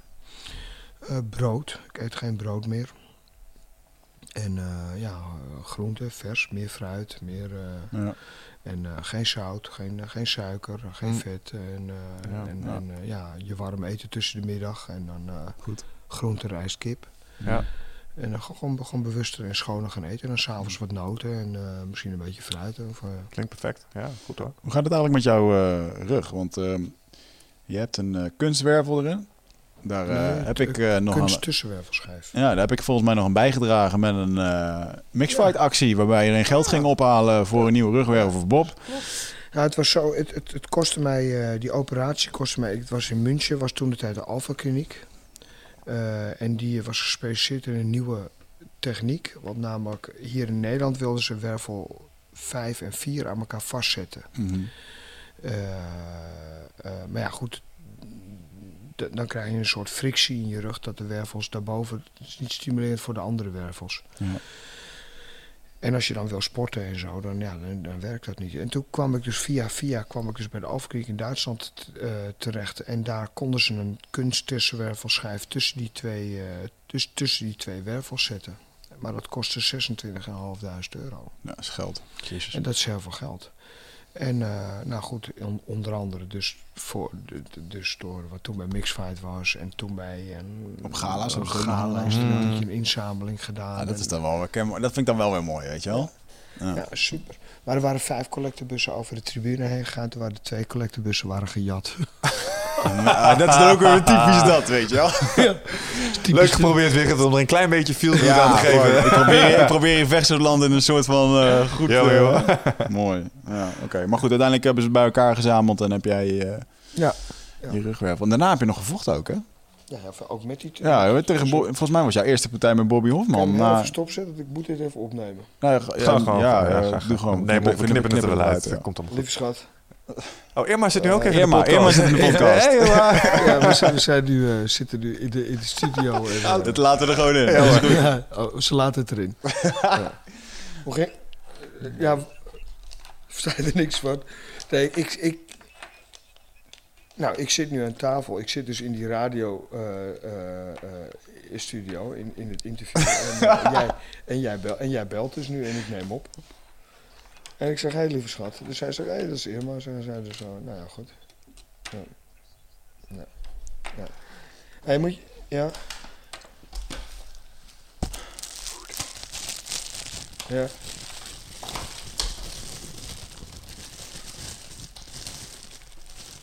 Ja, super. Oké. Oké, goed. Ja. Eh, het komt op, komt op YouTube. dus, dus, dus, maar dat leg ik je dan wel even uit hoe het zit. Want zo, het, is, het, is allemaal, het is allemaal een beetje duister. Heel duister. Wie zegt, dat je, wie zegt dat het op YouTube wordt, eh, Bob? Ja. Ik heb... eh, ja, oké. Wacht, wacht, wacht, wacht even. Zet ik, je, zet ik je even op de lijn. Wacht even. je kan de groeten doen nu. Eh, ik wil heel graag even de groeten doen aan mijn moeder, die me al 50 jaar lang verzorgt. En eh, nou, daar ben ik heel erg blij mee. En eh, ik wil nog even de groeten doen aan uh, Bob Schrijver. Niet aan je, niet, niet aan je vader. Zo stoer. zo charmant. Zo aardig. Ah, dan jongens. eh, Oké be- jongens, fijn weekend. Weekend. bedanken wij eh, Irma bij deze voor haar bijdrage aan het vechtsportend eh, Nederland. Oh, En ze was al weg. She doesn't give a fuck. Mooi dit. Ja, ja, ja, ja. Ja, normaal bij iedere gast... eh, Is dit met Pit? Zonde. Oh. Dus zo leef jij uit. Maar we Normaal we nu tegen gasten gezegd, hey, we hadden het er afgesproken, je telefoon niet uit. Maar bij Bob doen we dat niet. Want, ja, Ja, wat gaan we wat doen dan? gaan we doen? Ja. Mooi. Eh, maar goed, maar je rug is nou helemaal oké. Je bent alweer een... ehm, Eigenlijk meteen na de operatie al is helemaal, helemaal op je kim gegaan. ja, daar hadden we het over. Je bent daarna nog wedstrijd... Volgens mij was Bobby Hofman jouw eerste wedstrijd na, eh, na je rug. Nou, weet ik al niet eens meer. Zou ik niet weten. Zou ik niet weten. Mooi. Oké, nou eh, ja, mijn part eh, zijn we een beetje aan het einde Ja, gekomen. we zitten, een fantastische afsluiting. we zitten op de Dus, twee uur. We gaan zo meteen nog wel twee vragen aan je stellen. Dat is onze secret content. Dat is eh, gebruikers eh, of eh, bezoekers van onze website of de podcast. Die kunnen even een e-mail achterlaten bij ons op de website. En dan krijgen ze een nieuwsbrief en dan sturen we dat soort eh, geheime content eh, door. Altijd leuk voor de echte fans. Maar ik wil je onwijs bedanken dat je in de studio was, man. Want ehm, Ja. ja, je bent gewoon een eh, fucking legende. Hij, hij vroeg gewoon zelf nog, waarom ben ik eigenlijk uitgenodigd? Waarom vinden jullie mij een eindbaas? Ja, voor ons is dat echt geen vraag. Maar Nee. ja, je bent er zelf... Nou, ik zou je zeggen... Ik word er heel ongemakkelijk van. nou, Dus wat ik eigenlijk voor de, voor, voor de- er komt een, een, iemand naar mij toe op een van de feesten, en, een dansje gemaakt en een potje bier. En op een gegeven moment komt er iemand naar me toe, is zo van, ja. Oh, ja. En die begint dan allemaal memories op te halen waar ik dan ook niet echt behoefte aan heb op een feest, weet je wel. Gelijk dat was spannen. Moet je weer moet ik hebben. weer over Ja, Motti ja. hebben. Ja, dat, dat zeg ik dan al wel eens tegen iemand, want ik heb niet zin om over mijn werk te praten. Sorry. Oh, oh ja, nee, ja. Nee, maar, maar wat ik nog vragen wilde en dan to- toch, weet je Toch wel. nog één dingetje, ja. Ja. En ik word er heel ongemakkelijk van. Dat iemand dan heel blij met mij is, eh, van, oh, omdat ik ooit eens een keertje een leuk knoppartijtje heb gedaan, weet je wel. Is dat een... Ik zie dat helemaal niet zo. Ik heb gewoon gedaan wat ik leuk vond. En, en eh, ik, ik, ik, ik, ik, ja, ik word heel ongemakkelijk van. Dus als iemand dan zegt, jij bent een eindbaas of weet ik veel. Ja. Zo zie ik dat helemaal niet. Is dat niet gewoon een tekort aan zelfliefde? Misschien. Ja. Ja, misschien. Ik las laatst een boek waarbij als iemand je compliment geeft, mag je eigenlijk gewoon zeggen, ja, dankjewel, vind ik ook. Ja. Oh, maar Ja, dat, dat nou, is het. v- Dankjewel, zeg ik al, maar vind ik ook. Dat vind ik dan weer even te. Ja, maar je zegt dat moet man. Je hebt de sporen verdiend. Je hebt het in, ja, je hebt het in ieder geval gewoon fucking gedaan. En, eh, waar kunnen mensen jou vinden online? Eh, Facebook dingen, wil je nog Nou, dingen ik, melden? Ik, ik, ik sta, Bob Schrijver staat op Facebook. Maar ik ben uit, ik doe geen Facebook meer, want ik word er te onrustig van. Want ik ben namelijk s ochtends half negen tot s avonds elf ben ik op de sportschool. ja. En dan kom ik thuis en dan heb ik nog ontzettend het gevoel Ja. dat, ik, eh, dat ik dan nog wat moet doen, weet je wel. Dus, dus ik had nooit rust. Dus, ik heb, dat heb ik, dus mijn vrouw houdt dat bij. Dus als je nu mij wat op Facebook zet, stuurt, dan, komt het bij mijn vrouw en niet bij mij. Handig. PA. Ja. dus eigenlijk eh, ben ik niet te vinden. Mooi. Oké, nou ja, goed. In ieder geval jouw sportschool, die, Mijn eh, sportschool, die is sports, open. Sports Academy schrijver. En eh, Dan kun je terecht als je... als je je verveelt. Badass wilt. worden. En als je gewoon tanden op elkaar, kin op de borst en eh, naar Ja. voren wilt gaan. Want dat was jouw stijl. En eh, ik denk dat eh, heel uh, vechtsport minder Nederland, eh, die bedankt je daarvoor. Ja, zeker weten. Dus Ik heb het graag gedaan. Top. Super. Voor onze luisteraars, eh, ga eventjes naar nutrifit.nl. eh gebruik de kortingcode eindbazen voor je supplementen. Dat op het moment als je tegen een eh, type als Bob moet, nou, dan moet je toch aan de bak met je eiwitten, magnesium en andere dingen. Dus daar kun je daarvoor terecht. En ehm wauw man, dit was top. Dat was er een. Oké, tot de volgende keer. Tot de volgende keer. Ciao.